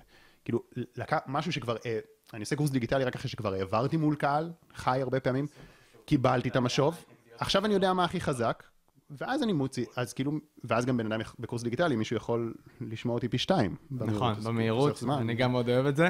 אה, ואז גם, אה, כן, יחד עם זאת, אגב, הרבה אנשים מאוד מאתגר להם אה, לסיים עד הסוף, הם מאוד מאוד מתחילים, כי אין איזושהי מחויבות חיצונית בהקשר לזה. יחד זאת לגבי המשוב, מה שלדעתי הסיבה שזה היה כל כך משמעותי, שאני שמתי ממש מכנה משותף איפה אני רוצה משוב, זה יש הרגלים שזה לא טוב ללמוד ואז לנסות ליישם בעצמי, ואז אני טועה ובדיעבד אומר טעיתי, ולשמוע בהקלטה שהייתי, בס... ב... אם אתה מדבר על שיעור אה, קול, אלא אתה צריך שהמאמן יגיד לך, אה, עכשיו טעית בנשימה שלך ואיך שאתה קול, יעצור אותך במקום. אה, ולגרום לך להיות מודע לבעיה ולטעות. ואם מישהו לא יעצור אותך וייתן לך, את המטאפורה של מכה, אבל כאילו יגרום לך להגיד, רגע, יש לך פה בעיה, אז אתה לא תוכל להשתפר בזה. אמ, אז אה, כן, מה שאני חושב שהוא מאוד, גם גרמר באנגלית, כאילו, אני יודע שכמה אנשים הם יכולים באוצר מילים להיות מאוד מאוד טובים באנגלית ולהשתפר מול אנשים אחרים, אבל הרבה אנשים דווקא לא מתקנים, אה, אם אני אדבר איתם באנגלית, את הגרמר שלי. אה, אז אני צריך דוגמה כאן, דוגמה אישית, מורה שעוזר לי בזה. כן, אני איתך באותו מקום, כאילו, אוצר מילים רחב, אבל אם אני אדבר זה יצא בלגן. בדיוק. אגב, אני סתם חושב תוך כדי, כי נגיד אחד הדברים, אחד הסקילס שאני הכי מתאמן על לפתח, ואני גם חושב שאני גם באמת מצליח לפתח אותו עם השנים, אה, זה כתיבה. אה, ואני כן מקבל על זה משוב, כי אני רואה איזה מאמר הצליח ואיזה מאמר פחות הצליח, וכשאני שולח הודעה שבועית בקבוצות וואטסאפ, אני רואה איזה הודעה אה, קיבל, אני מקבל עליה יותר תגובות. כשאני מעלה סרטון ליוטיוב, שזה גם כתיבה, כי זה בסוף טקסט, אז אני רואה איזה סרטון יותר הצליח, אבל זה גם מאוד קשה להפריד פרמטרים, כי יש אה, כותרת, יש את הנושא עצמו, ויש את הסגנון כתיבה. מה היית מציע בדבר כזה? כי מצד אחד, אני חושב שהמשוב שלי פה זה זה שאני בודק את האנליטיקס. לא בודק את זה אולי בצורה הכי, אה, הכי מטורפת, אבל עצם הבדיקה של האנליטיקס זה משוב, כי אני רואה מה מצליח, מה לא, ואני מנסה לשחזר את זה. אבל איך היית אומר שאפשר עוד יותר משוב? האמת נראית לפרקטיקה, גם לזה יש לי מודל, יש לי טמפלט לאיך עושים משוב. אה, סתם, אבל יש את ה... בעולם השיווק, אני תמיד אומר, יש משוב מהמקום של הקהל, אבל הקהל לא יודע מה, יש, מה גרם לו לאהוב יותר או פחות, הוא לא יודע בדיוק באופן מדויק. הוא לא יגיד, אה, אה, עשית לי פה עיקרון פסיכולוגי שנקרא עיקרון ה framing, וזה גרם לי. הוא פשוט אומר, וואי, היה לי ממש תשוקה וחשק מאוד גדול, אני לא יודע מה גרם את זה. אבל הוא אומר, כן, היה לי מוטיבציה, זה הלהיב אותי. מה הלהיב? הסיפור. אז הוא לא יכול להגיד עליה שורש, הוא יכול להגיד עליה סימפטום. אמ, אז זה נותן לך משהו אחד שדעת מה הצליח ומה לא, בשביל להגיש לשורש, כלומר, מה הסיבה שהצלחת לכתוב כזה טוב? אז זה דווקא עומד אנשים שיותר מודעים לעקרונות. אז או בעצמך, שאני מאוד מאוד אוהב לעשות אני שואל את עצמי, אוקיי, יש עקרונות שמאוד מאוד משמעותיים, כמו עקרונות של סיפור, של אמ, איזה תוכן אני נוגע, כמה קהל, כמה קהל רחב. אמ, אני יכול לדבר פה על עוד הרבה עקרונות של כתיבה שיוצרים הצלחה או לא הצלחה, אורך, אה, כמה לדבר בסיטואציות, כמה לתת דוגמאות, ואז אני יוצר לעצמי, זה לדעתי המפה להצלחה, העקרונות שהכי הכי משמעותיים להצלחה של אה, כתיבה של בלוג מסוים. ואז אחרי שאני מסיים את אותו מאמר ורואה את ההצלחה שאני יכול גם לדרג אותו על פי עקרונות. ככה הייתי עושה עם סרטונים כל הזמן. והתחלתי להבין עם אה, עקרונות משותפים, כי כשאתה מבין שלדברים יש אה, חוקים, DNA, אה, לסרטונים, יש המון. יש המון סוגים של סרטונים, וכל סרט, סוג סרטון יש עקרונות אחרים. יש ויראליים שהם לא למכירה לרוב, הם יותר בשביל לעשות באז ברשת. אה, יש למכירה, סרט שאני בא למכור מוצר או שירות מסוים. יש להדרכה יותר פרקטית, מידע. אה, בוויראלי יש כל מיני סוגים. אחד מהסוגים זה לצאת נגד משהו, שזה דבר מאוד מאוד טוב. תאר לך עכשיו אתה בא להגיד לבן אדם, לחבר מאוד טוב שלך, תקשיב, אני ממש ממש אומר לך, אל תיקח תרופות, או אני לא מצליח לקחת רטלין. אתה מנסה לשכנע אנשים אחרים לעשות את זה במילא. עכשיו, אם אני אכין סרטון הזה, אותם אנשים כמוך, סתם את הדוגמה, כמוך, במילא ישתפו את זה, כי זה עיקרון שנקרא טיעון צד. אתה במילא כבר משכנע מישהו, ואז אתה אומר, הנה הוכחה עוד יותר טובה של סרטון שמוכיח את זה, שאומר שאני צודק. אה, אז זה דבר אחד. אני לוקח דברים שמילא אנשים מתווכחים וכל הזמן אומרים, זה נכון, אתה צריך לדעת את זה, איזושהי טענה, ואז הסרטון בא כטענת טענת צד עוד יותר חזק. טובה. אה, דבר נוסף שיכול להיות זה מה שמעלה את הסטטוס. כשאני משתף אותו, וחברים אחרים רואים את זה עליי בפייסבוק, זה מעלה לי את הסטטוס, מעלה לי את האגו ומעלה לי את האפשרות להגיד, הנה, תסתכלו חברים, אני תומך בזה. אה, בן אדם שאני מאוד אוהב ואהבתי למדד את הסרטונים ויראליים שלו זה פרינס, אה, פרינס אה, שיש לו בעצם המון סרטונים, אחד שהוא יוצא נגד הזיהום של הסביבה, אז המון אנשים ש... הם תומכים גם אלה שלא תומכים, שתפו את זה, כי מה זה מראה עליהם שאכפת להם מהסביבה, זה מוציא אותם ערכיים ואכפתים כלפי כל החברים שלהם מסתכלים עליהם.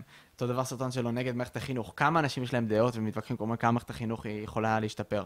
הסרטון ויראלי הוא גם יהיה הרבה פעמים יחסית שטחי. אמ, כן, הוא לא יהיה אמ, מורכב מבחינת המסר, זה דווקא מצחיק, הוא לא יהיה פרקטי אה, כן. עם הרבה מידע. הוא יהיה בעיקר רגשי עם סיפור. לא, אתה יודע, האמת זה... אני במשך השנים התנגדתי לעשות את הסרטונים מהסוג הזה, כי אמרתי, לא, אני אביא את הסרטונים הכי עמוקים ו...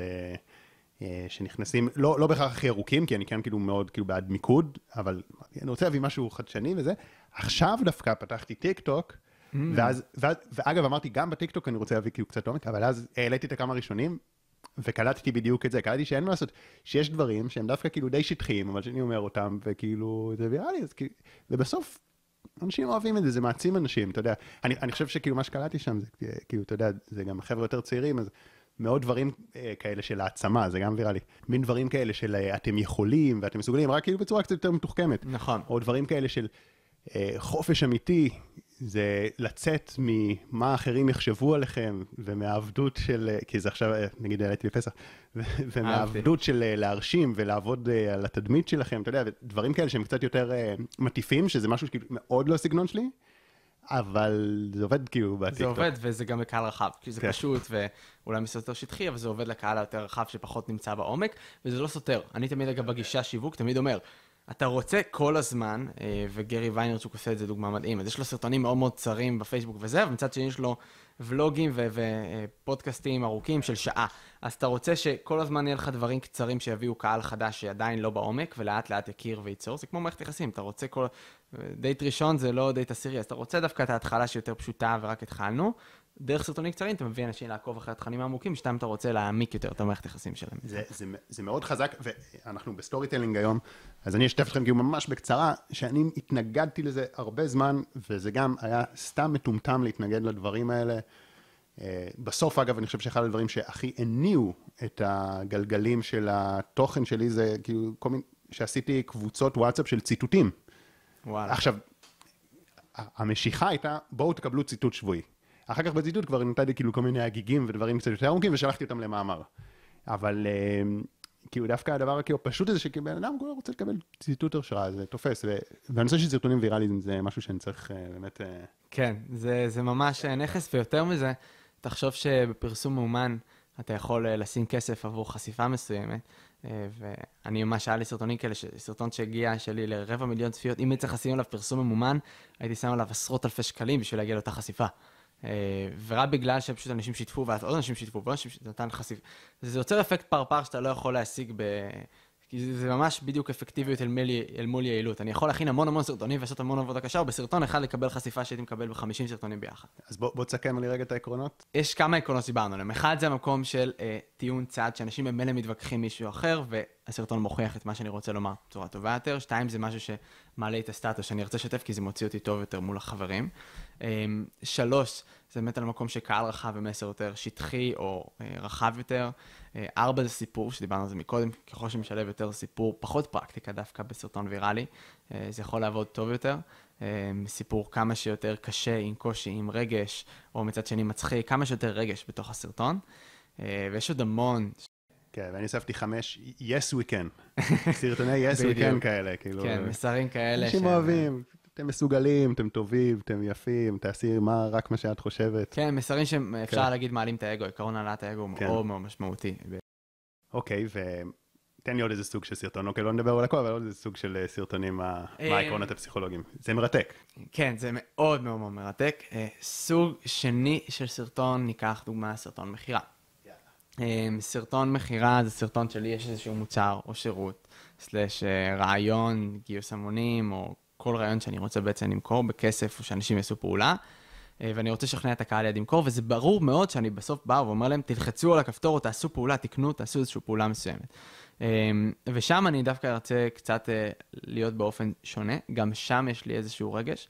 אה, יחד עם זאת, המבנה הוא שאני אתחיל להציג קודם כל אה, פנייה ישירה לקהל היעד הרלוונטי, אם בסרטון ויראלי אנחנו קהל רחב, בסרטון מכירה, עכשיו אני פונה למעצבות שיער, אז אני רוצה להגיד אה, מעצבות שיער בשורה הראשונה, ולהציג ספציפית הכאב של מעצבות שיער, או להציג ספציפית את הכאב של בעלי עסקים שכרגע שקל להם להביא לקוחות, אני אתחיל בזה.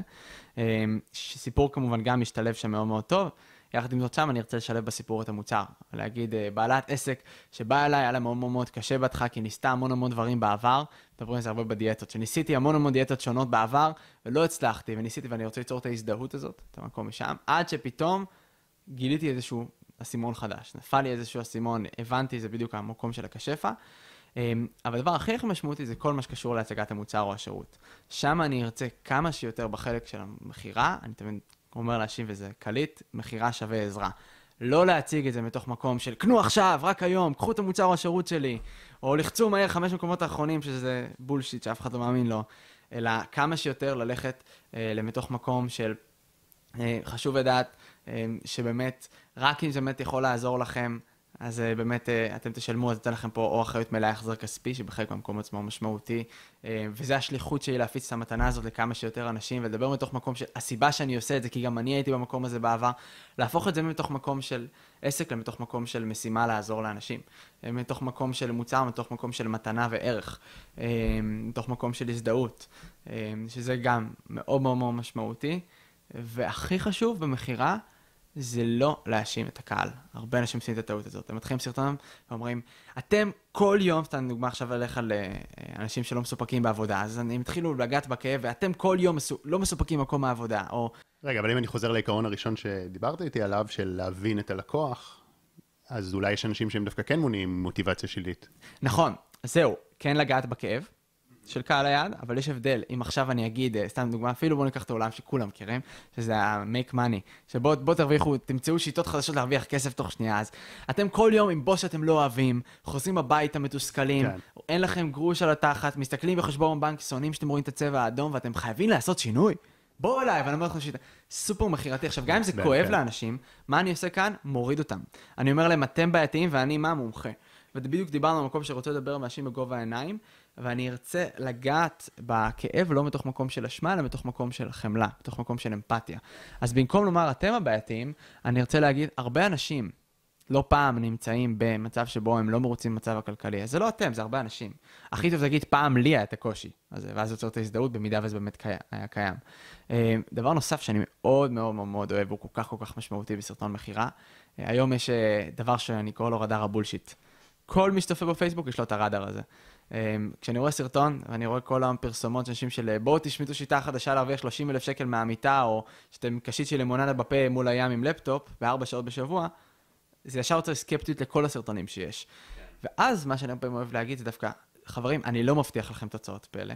אמ, אם אני עכשיו אומר לכם, אני עכשיו אבטיח לכם שזה בשעתיים בשבוע או בארבע שעות, או שתרדו במשקל מהר ו- ותוך חודש תרדו עשרה קילוגרם, לא. ומי שמבטיח לכם את זה, אם, אם חשבתם שזה מה שיקרה, אנחנו לא מתאימים. זה, זה גם אחד העקרונות של אה, שלדיני, לא? של רוברט שלדיני. בהשפעה, נכון? אני מכיר את ההשפעה, אבל איזה ש... אתה מדבר? שזה אגב ספר מאוד uh, מומלץ, מאוד. על השפעה אולי כאילו הכי מפורסם נכון. וקלאסי.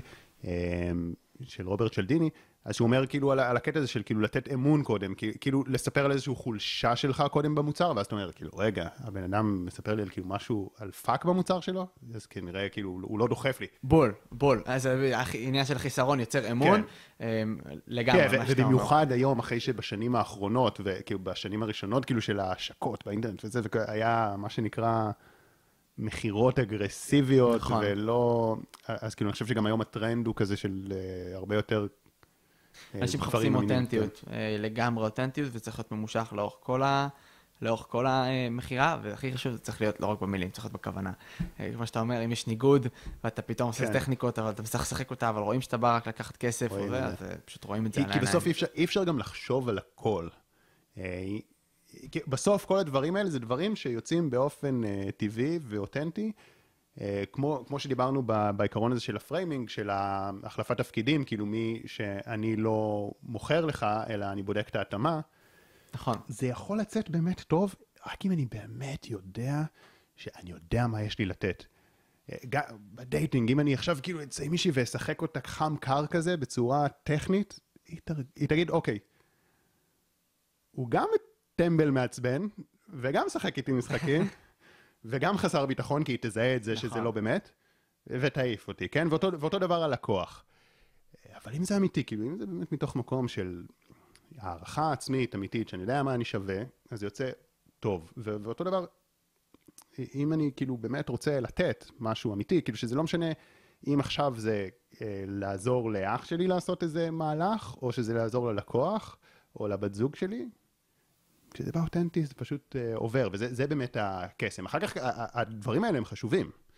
הם חשובים, חשוב נכון. להשתמש בהם. זו הסיבה אגב שסרטון אני גם לא ממליץ לרוב לכתוב תסריט מילה במילה ויצמד לטקסט של כן. מילה במילה, כי אז תמיד אומרים אנשים, אין לכם גמגומים בכלל בסרטון, תוסיפו גמגומים בכוונה. איזה ההוא שזה לא אותנטי. ראיתי כל כך הרבה אנשים שעושים את זה, אז אתה רואה אותם עם ידיים כאלה, מתחילים לדבר עם שפת גוף רובוטית, וזה פשוט לא עובר. כן. אז טוב, אנחנו ממש כזה לקראת סיום, אבל אני רק, אני רק אגיד, לא ניכנס לזה לעומק, אתה אמרת כאילו שאחד העקרונות זה modeling, אבל דיברנו על זה גם אה, ללמוד מספרים, אה, להיעזר בשותפים. אני רק חייב להגיד שאני ישבתי פה לפודקאסט לפני אה, שבועיים כזה עם, עם שקד אליהו, כי יכול, לא יודע איזה פודקאסט עלה קודם בסופו של דבר לערוץ, אבל, ו, והוא גם בחור צעיר שעושה דברים מאוד יפים, ב, יש לו גם, עכשיו הוא באינסטגרם כבר, כי זה ערוצי אינסטגרם וגם חברת שיווק שוקים. והוא אמר, שאלתי אותו, כאילו, מה, מה הביא אותך בגיל כל כך צעיר, וכאילו, מה עזר לך להתגבר על הדברים? אז הוא אמר, יובל אס, כאילו, ש...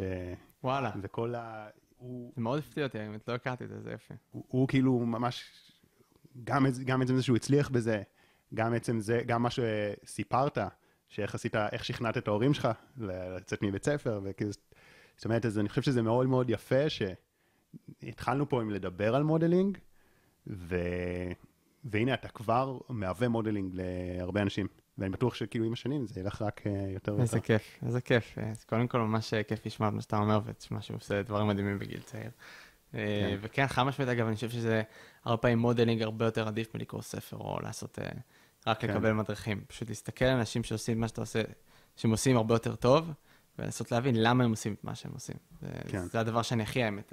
גם מה שאמרתי לך עכשיו עם הסרטונים, לא היה לי, לצערי, לא היה לי את האנשים שאמרו לי בדיוק מה משותף סרטונים, אבל פשוט הייתי יושב שבתות, לוקח עשרות סרטונים, ויוצר טבלאות של עקרונות, והתחיל לראות דברים, תבניות שחוזרות על עצמם. וזה אחד הדברים שאני הכי אוהב, וזה עוד תבניות. אגב, אם אתם נגיד עכשיו רוצים לעשות modeling מיובל לצורך הדוגמה, שימו לב שהחוכמה ב modeling זה לא להקשיב למה שהוא אומר. כן, כי, כי נגיד אתה, יכול, אתה בא ואומר, הנה, סרטונים ויראליים, אז תעשו ככה וככה וככה, כאילו נתת כמה עקרונות לסרטון ויראלי. אז זה, זה ללמוד ממך, כן, זה משהו אחר. אבל כאילו ה modeling הבאמת, ש...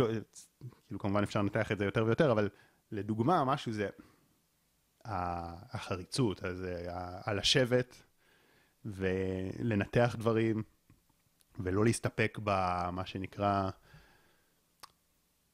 לא להסתפק ברק אה, לשבת ו, ורק לעשות ולעשות, אלא גם לחשוב איך אני מייעל את התהליכים. כאילו, יש פה הרבה מאוד דברים. כאילו, אני, אני לא עכשיו מנתח את זה, אני רק אומר לכם, כאילו, כן. בתור חשיבה על modeling, כאילו, העיקרון במודלינג זה, זה לנסות להבין מה בן אדם עושה שהוא אפילו לא יודע שהוא עושה, ובגלל זה הוא מצליח.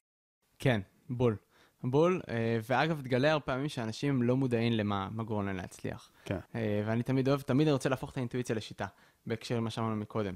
אה, כשרציתי ללמוד לראיין אנשים, בשביל אגב תוכנית שפעם, ועכשיו אני מחזיר אותה, פודקאסט, אז לא ידעתי לראיין. אגב, עד היום אני לא מספיק טוב בזה ברמה של רעיונות ארוכים, הרבה פעמים היה לי מאתגר.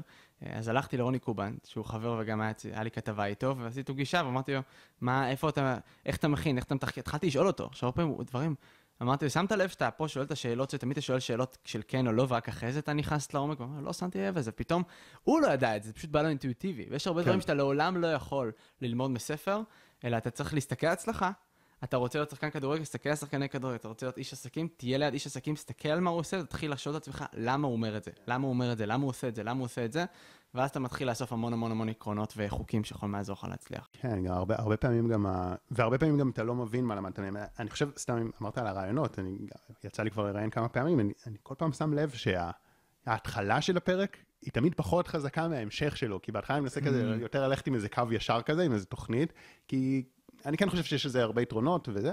לפחות עם חלק מהאנשים, אתה יודע, במיוחד מישהו כמוך, שאתה כאילו, יש לך עקרונות, וכאילו אתה עובד מסודר, אז כאילו, אני רוצה להביא את זה. אה, אבל בסוף כשזה נכנס לשיחה, זה, זה הכי חזק. לגמרי. ו- וכאילו, אבל גם אני, אני צריך לשחרר את זה, כי, כי ישבנו פה לפני זה ודיברנו, והספרת לי דברים, ואמרתי, כאילו, זה מטורף, כאילו אם זה היה מצולם, זה כאילו השראה אדירה. אה, אבל אחר כך, אני גם אביא עוד, עוד פעם אה, סיפור אישי, זה גם הגיעו ההתעקשות שלי ללכת בדרך מסוימת, בסוף יש משהו בלסמוך על עצמנו, בלהתמסר לאינטואיציה שלנו, שזה חזק, אבל לחדד את האינטואיציה, כאילו כמו... שוב, המטאפורה של הריקוד היא באמת אה, מאוד מדויקת בעיניי, שכאילו, אתם גם לומדים לרקוד ולספור צעדים ולספור את המוזיקה, אבל בסוף, כשאתם רוקדים במוזיקה, תרקדו. בול. זה כאילו, תתכנן, אבל תדע שאתה לא צריך להיות לפי התכנון בול. כן. ותן את המשוב אחרי זה, לא באותו זמן. כאילו, כן. ממש, אני מאוד מזדהה עם מה שאתה, מאוד. אמ, רגע, אז תגיד, מה אתה עושה עכשיו, אתה יודע, עם הצבא והעסק? זה בטח אה, די מורכב. אה, האמת שעצרתי את העסק. אמ, וזה היה, זה מפתיע הרבה אנשים, והאמת גם אותי, שאני עדיין אפילו חושב על זה, כי זו טעות טוטאלית, כי לא עצרתי את זה מסיבה שהוא לא הצליח, להפך הוא היה מאוד רווחי והמשיך תוך כדי הצבא, והדבר שפשוט גרם לזה לקרות זה שמאוד מאוד נסחפתי לעולם הרוח. אמ, נסחפתי יותר מדי, אני יכול להגיד, אמ, וזה ממש יצרת לי קושי מאוד מאוד קשה. נסחפתי זה אומר, התחלתי ככה מאוד מאוד ללמוד, להיות במחלה שתמיד אמרתי שאם לא לעשות, שרק להיות סטודנט וללמוד 100% מהזמן, ולחשוב עם עצמי ולרשום רעיונות, כל יום לרשום ולחשוב ולרשום. רגע, אבל היית חייל. Uh, כן, אבל פשוט כל זמן אחר פנוי, שישי שבת הייתי לומד, קורא ספרים, הייתי... אתם מבינים uh, כאילו... וזה גם פגע בכל האב"ח, בצבא, כן. בהכל. כאילו, רוב האנשים עושים יום עבודה ומרוצים. אתה אומר, או אם הם לומדים אחרי יום עבודה, הם כאילו סופר מרוצים, אתה אומר, סיימתי יום עבודה, ולא המשכתי עוד לעבוד, רק למדתי. לא כן. טוב. אה, אבל זה לא רק, זה היה מאוד מאוד מאוד מוקצן. מתוך מקום שזה השפיע על הצבא, זה השפיע על הכל, ואני חושב פשוט לקחתי את העולם הזה קיצוני ומהר מדי, אה, ובאיזשהו שלב פשוט אה, ממש קיבלתי החלטה רגשית לסגור את העסק, למרות שהוא הצליח, שותף שלי לא הבין למה אני עושה את זה, ובאמת, כאילו הייתי מאוד מאוד במקום של... התחלתי לעשות המון המון מדיטציות, המון המון המון קורסים, המון המון להיכנס לעולם ושאלת שאלות קיומיות ועל המשמעות של כן. הדברים, ואני חושב שזה גם היה יותר מדי מהר, אמ, יותר מדי מהר, נסחפתי לזה, אה, והיום אני כבר כאילו מבין את זה וחוזר עכשיו לעשייה והולך גם כנראה להחזיר את זה ממש בקרוב ו- וגם אה, חוזר, פודקאסט דברים, מה, העיקר להיות בעשייה, לעשות. כי אני באמת, לא, אני באמת מאמין שלומדים, לא לומדים לרכוב על אופניים מספר, אתה רוכב. אה, ולומדים מעשייה הרבה יותר מרק לקרוא. אז אה, כן, זו הייתה תקופה מאוד מאוד מאתגרת. אה, שאני יודע, לדוגמה, שאתה דווקא חווית אחרת את העולם הרו- הרוחני והכל, ויש איזה יתרונות ואני לא, אני לא נגד כן. רוח. תראה, עול- עולים לי שני דברים להגיד לך. דבר ראשון זה כאילו להתחבר למה שאתה אומר ו- ולהגיד, כאילו, כן, לפעמים יש, נוצר לנו איזה מין הרס עצמי כזה, כאילו, לסגור את העסק, כי אנחנו מצליחים, מצליחים, וכאילו קשה להכיל את ההצלחה. צריך לעשות קודם עוד התפתחות מנטלית כדי להמשיך להכיל את ההצלחה, ואני אומר, כאילו, כן. אולי, אולי זה חלק מהעניין גם ש... אבל, אה, אבל כן, אני גם לא בהכרח חושב, אני לא בהכרח תופס את זה נורא כל כך כמו שאתה תופס, כאילו אני, אני מאוד מאמין, ונדבר עוד אה, שנה, שנתיים, שלוש, נראה, שכאילו התקופה הזאת שלמדת והתעמקת בדברים והתעמקת ברוח ולקחת גם קצת פסק זמן לא לשרוף את עצמך, גם צבא וגם לעבוד קשה, אלא אה, למדת, הוא עוד אה, תשרת אותך. יאללה, אני, אני, אני בטוח שאני אגיד את זה, תודה. תראה, אני, אני באמת כאילו בתקופה שהייתי חייל, כאילו גם אה, מאוד, אה, לא, עוד לא עבדתי עוד שום דבר, כי, לא, כי לפני הצבא לא היה לי עסק, זה, זה, אה, אבל בתקופה שהייתי חייל, זו הייתה תקופה שמאוד נכנסתי לעולם הרוח, גם למדתי את ה-NLP, ו, אבל הרבה יותר התעמקתי בדברים רוחניים, ולמדתי את זה מאוד מאוד השקעתי, וגם אחרי הצבא, וכביכול זה היה לא פרקטי. ואז גם, אגב, לא עניין אותי, כי זה חלק מהעניין הזה, כאילו לפעמים זה יכול מאוד, כמו שאתה אומר, מאוד לשאוב אותך, ו... מאוד. אני כאילו, אני חושב לקחתי את זה אפילו יותר חזק ממך, כאילו למדתי את זה, אתה יודע, היו, היו לי מחשבות, אולי אפילו נהיה נזיר, כאילו, עלו לי מחשבות כאלה, הבנתי בסוף, לא, נולדתי פה בישראל וזה כדי להיות איש משפחה, כדי להקים עסקים. גם אני חשבתי לצאת בתל אביב, שזה... אה, כן? כן. גם לא צפוי. אבל בסופו של דבר, אה, נגיד אני הלכתי ולמדתי קורס trainer של המנחה NLP וזה, והרבה אנשים פתחו ערוצי יוטיוב, והרבה אנשים פתחו, ניסו לה- להצליח ברשתות חברתיות, ולאף אחד זה לא הצליח. אפילו כאלה שגם הצליחו עסקית, אבל לא, לא הצליחו להם ברגש, ברשתות החברתיות. ולי, אפילו שלא הייתי ממש על זה, כן, כי אני עבדתי במכללה כל הזמן הזה. אני לא הייתי על זה במשרה מלאה. אה, ולא כיוונתי לזה, זה פשוט צמח. אגב, והדברים שצמחו זה דברים שגם קיבלתי משם. כן. בין היתר גם המדיטציות, אבל דווקא לא רק המד... אם היום מישהו יסתכל על הערוץ, שהוא יגיד, מה שהצמיח את הערוץ זה המדיטציות, אבל האמת, אה, זה דווקא הסתכלות לא נכונה, כי קודם היו שם כל מיני סרטוני הרצאה, ואחר כך, בתקופת הקורונה, המדיטציות תפסו. ואם מישהו יסתכל על הערוץ, והיום כאילו המדיטציות זה הקטע הכי חזק. אז אתה אומר, היום אתה רואה את הסגירת מעגל ואיך זה שירת אותך. כן, והיום אני, אני עוד לא רוצה לשתף בכל הדברים שאני הולך לעשות, אבל כאילו, אני עוד הולך להביא את זה עוד הרבה הרבה הרבה יותר בסדנאות שהן יותר בסגנון כאילו ריטריט, והרבה יותר להשתמש בעולם הזה של המדיטציה. ו- ושוב, מדיטציה זה רק כלי בתוך העולם הרוחני, זה כאילו זה ממש לא העיקר. אני חושב שגם הערכים שזה נתן לי שם, זה מה שהביא אותי, כי אנשים מסתכלים על הצלחה בתור שאם אני מתמיד, אם אני משקיע, אם אני לוקח סיכונים, זה מה שמביא לי הצלחה. וזה נכון, אני גם אומר את זה, שהתמדה ולקיחת סיכונים, אבל בסוף, אתה פותח את העיתון, ואז אתה רואה כתבה, הוא השקיע בביטקוין בזמן, זה, איזה גאון. מהללים אותו. לקח סיכונים, איזה גאון. ואז אתה פותח עמוד אחר, השקיע באיזה חברה, התרסקה, איזה מטומטם. כאילו, אותו עיקרון, כאילו לקחת את הסיכון, ו... אז כאילו בסוף, כאילו העולם הרוחני אומר, יש סיבה שהיא מתחת לסיבות, הסיבה של הסיבות. אה, שזה כמו, כאילו אם אתה לוקח ואתה בא אה, לסייק, כאילו, אתה יודע, לשדך דף מסוים, אתה יכול להגיד, איזה שדכן אני רוצה, שדכן צהוב או ירוק? זה לא משנה איזה צבע, משנה אם יש סיכות בפנים. וכאילו הם אומרים, אתה יודע, בעולם הרוח, כאילו, מה זה הסיבות? זה גם כאילו, אתה יודע, זה סוג של כאילו הקרמה שלך, מה שאתה עושה לעולם. ואם אתה בא ומביא את הטוב שלך לעולם, ואם אתה חושב מחשיבה של חזון, מחשיבה של מה אני נותן, כן, וגם, וגם אני לוקח. במובן כזה, וגם מול הקולגות ומול המתחרים, האם אני מתחרה בהם, או שהאם אני כאילו מפרגן להם, כי הם לא מתחרים שלי.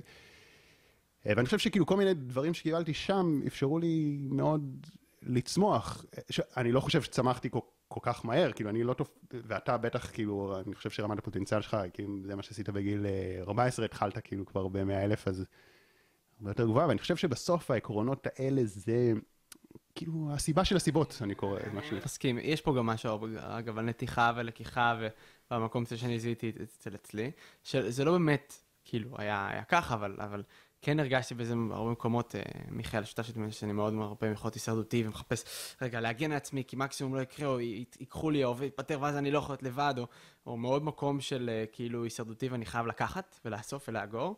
אה, ואני חושב שכן עברתי את זה מאוד מאוד בעולם כן. הרוח, אבל... כן, you never know, ו...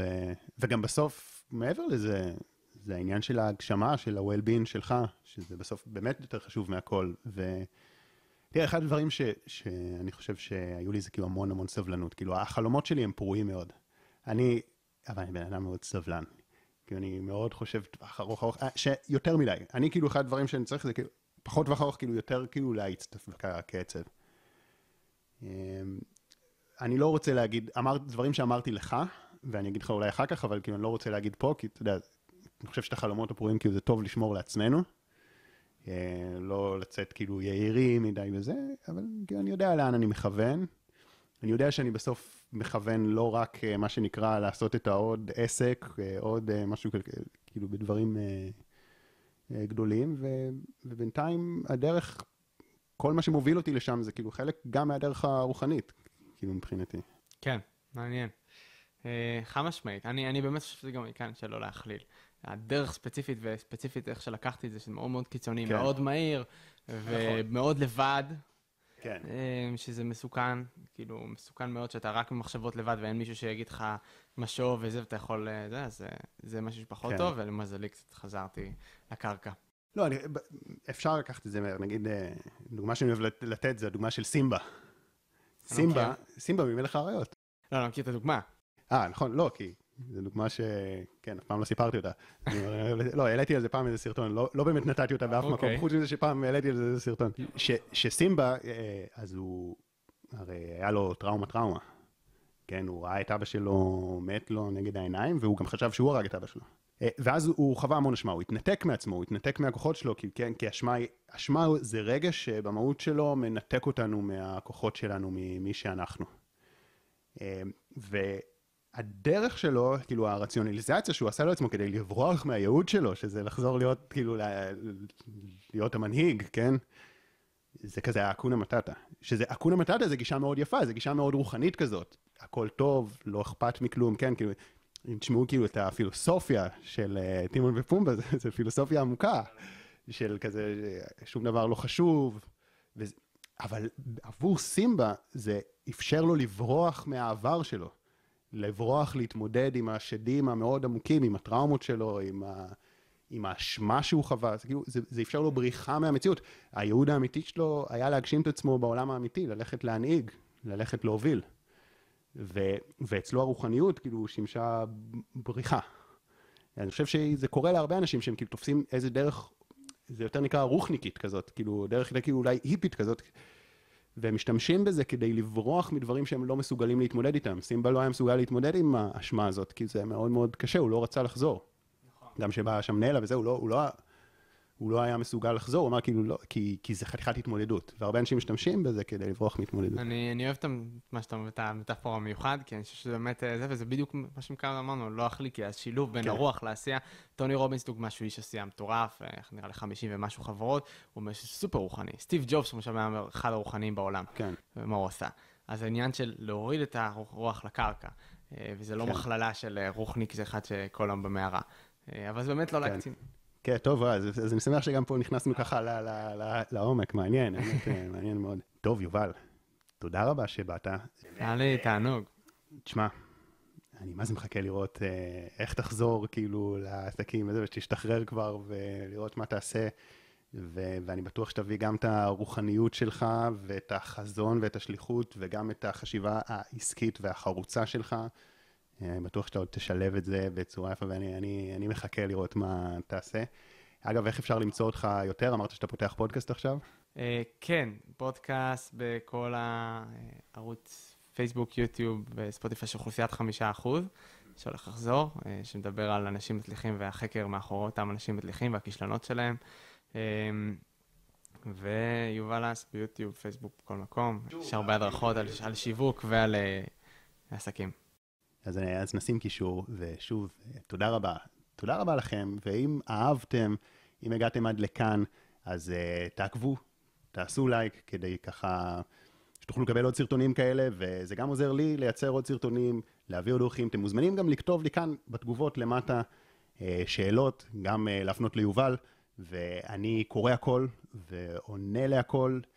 אז תודה רבה לכם, ואנחנו נשתמע. תודה רבה.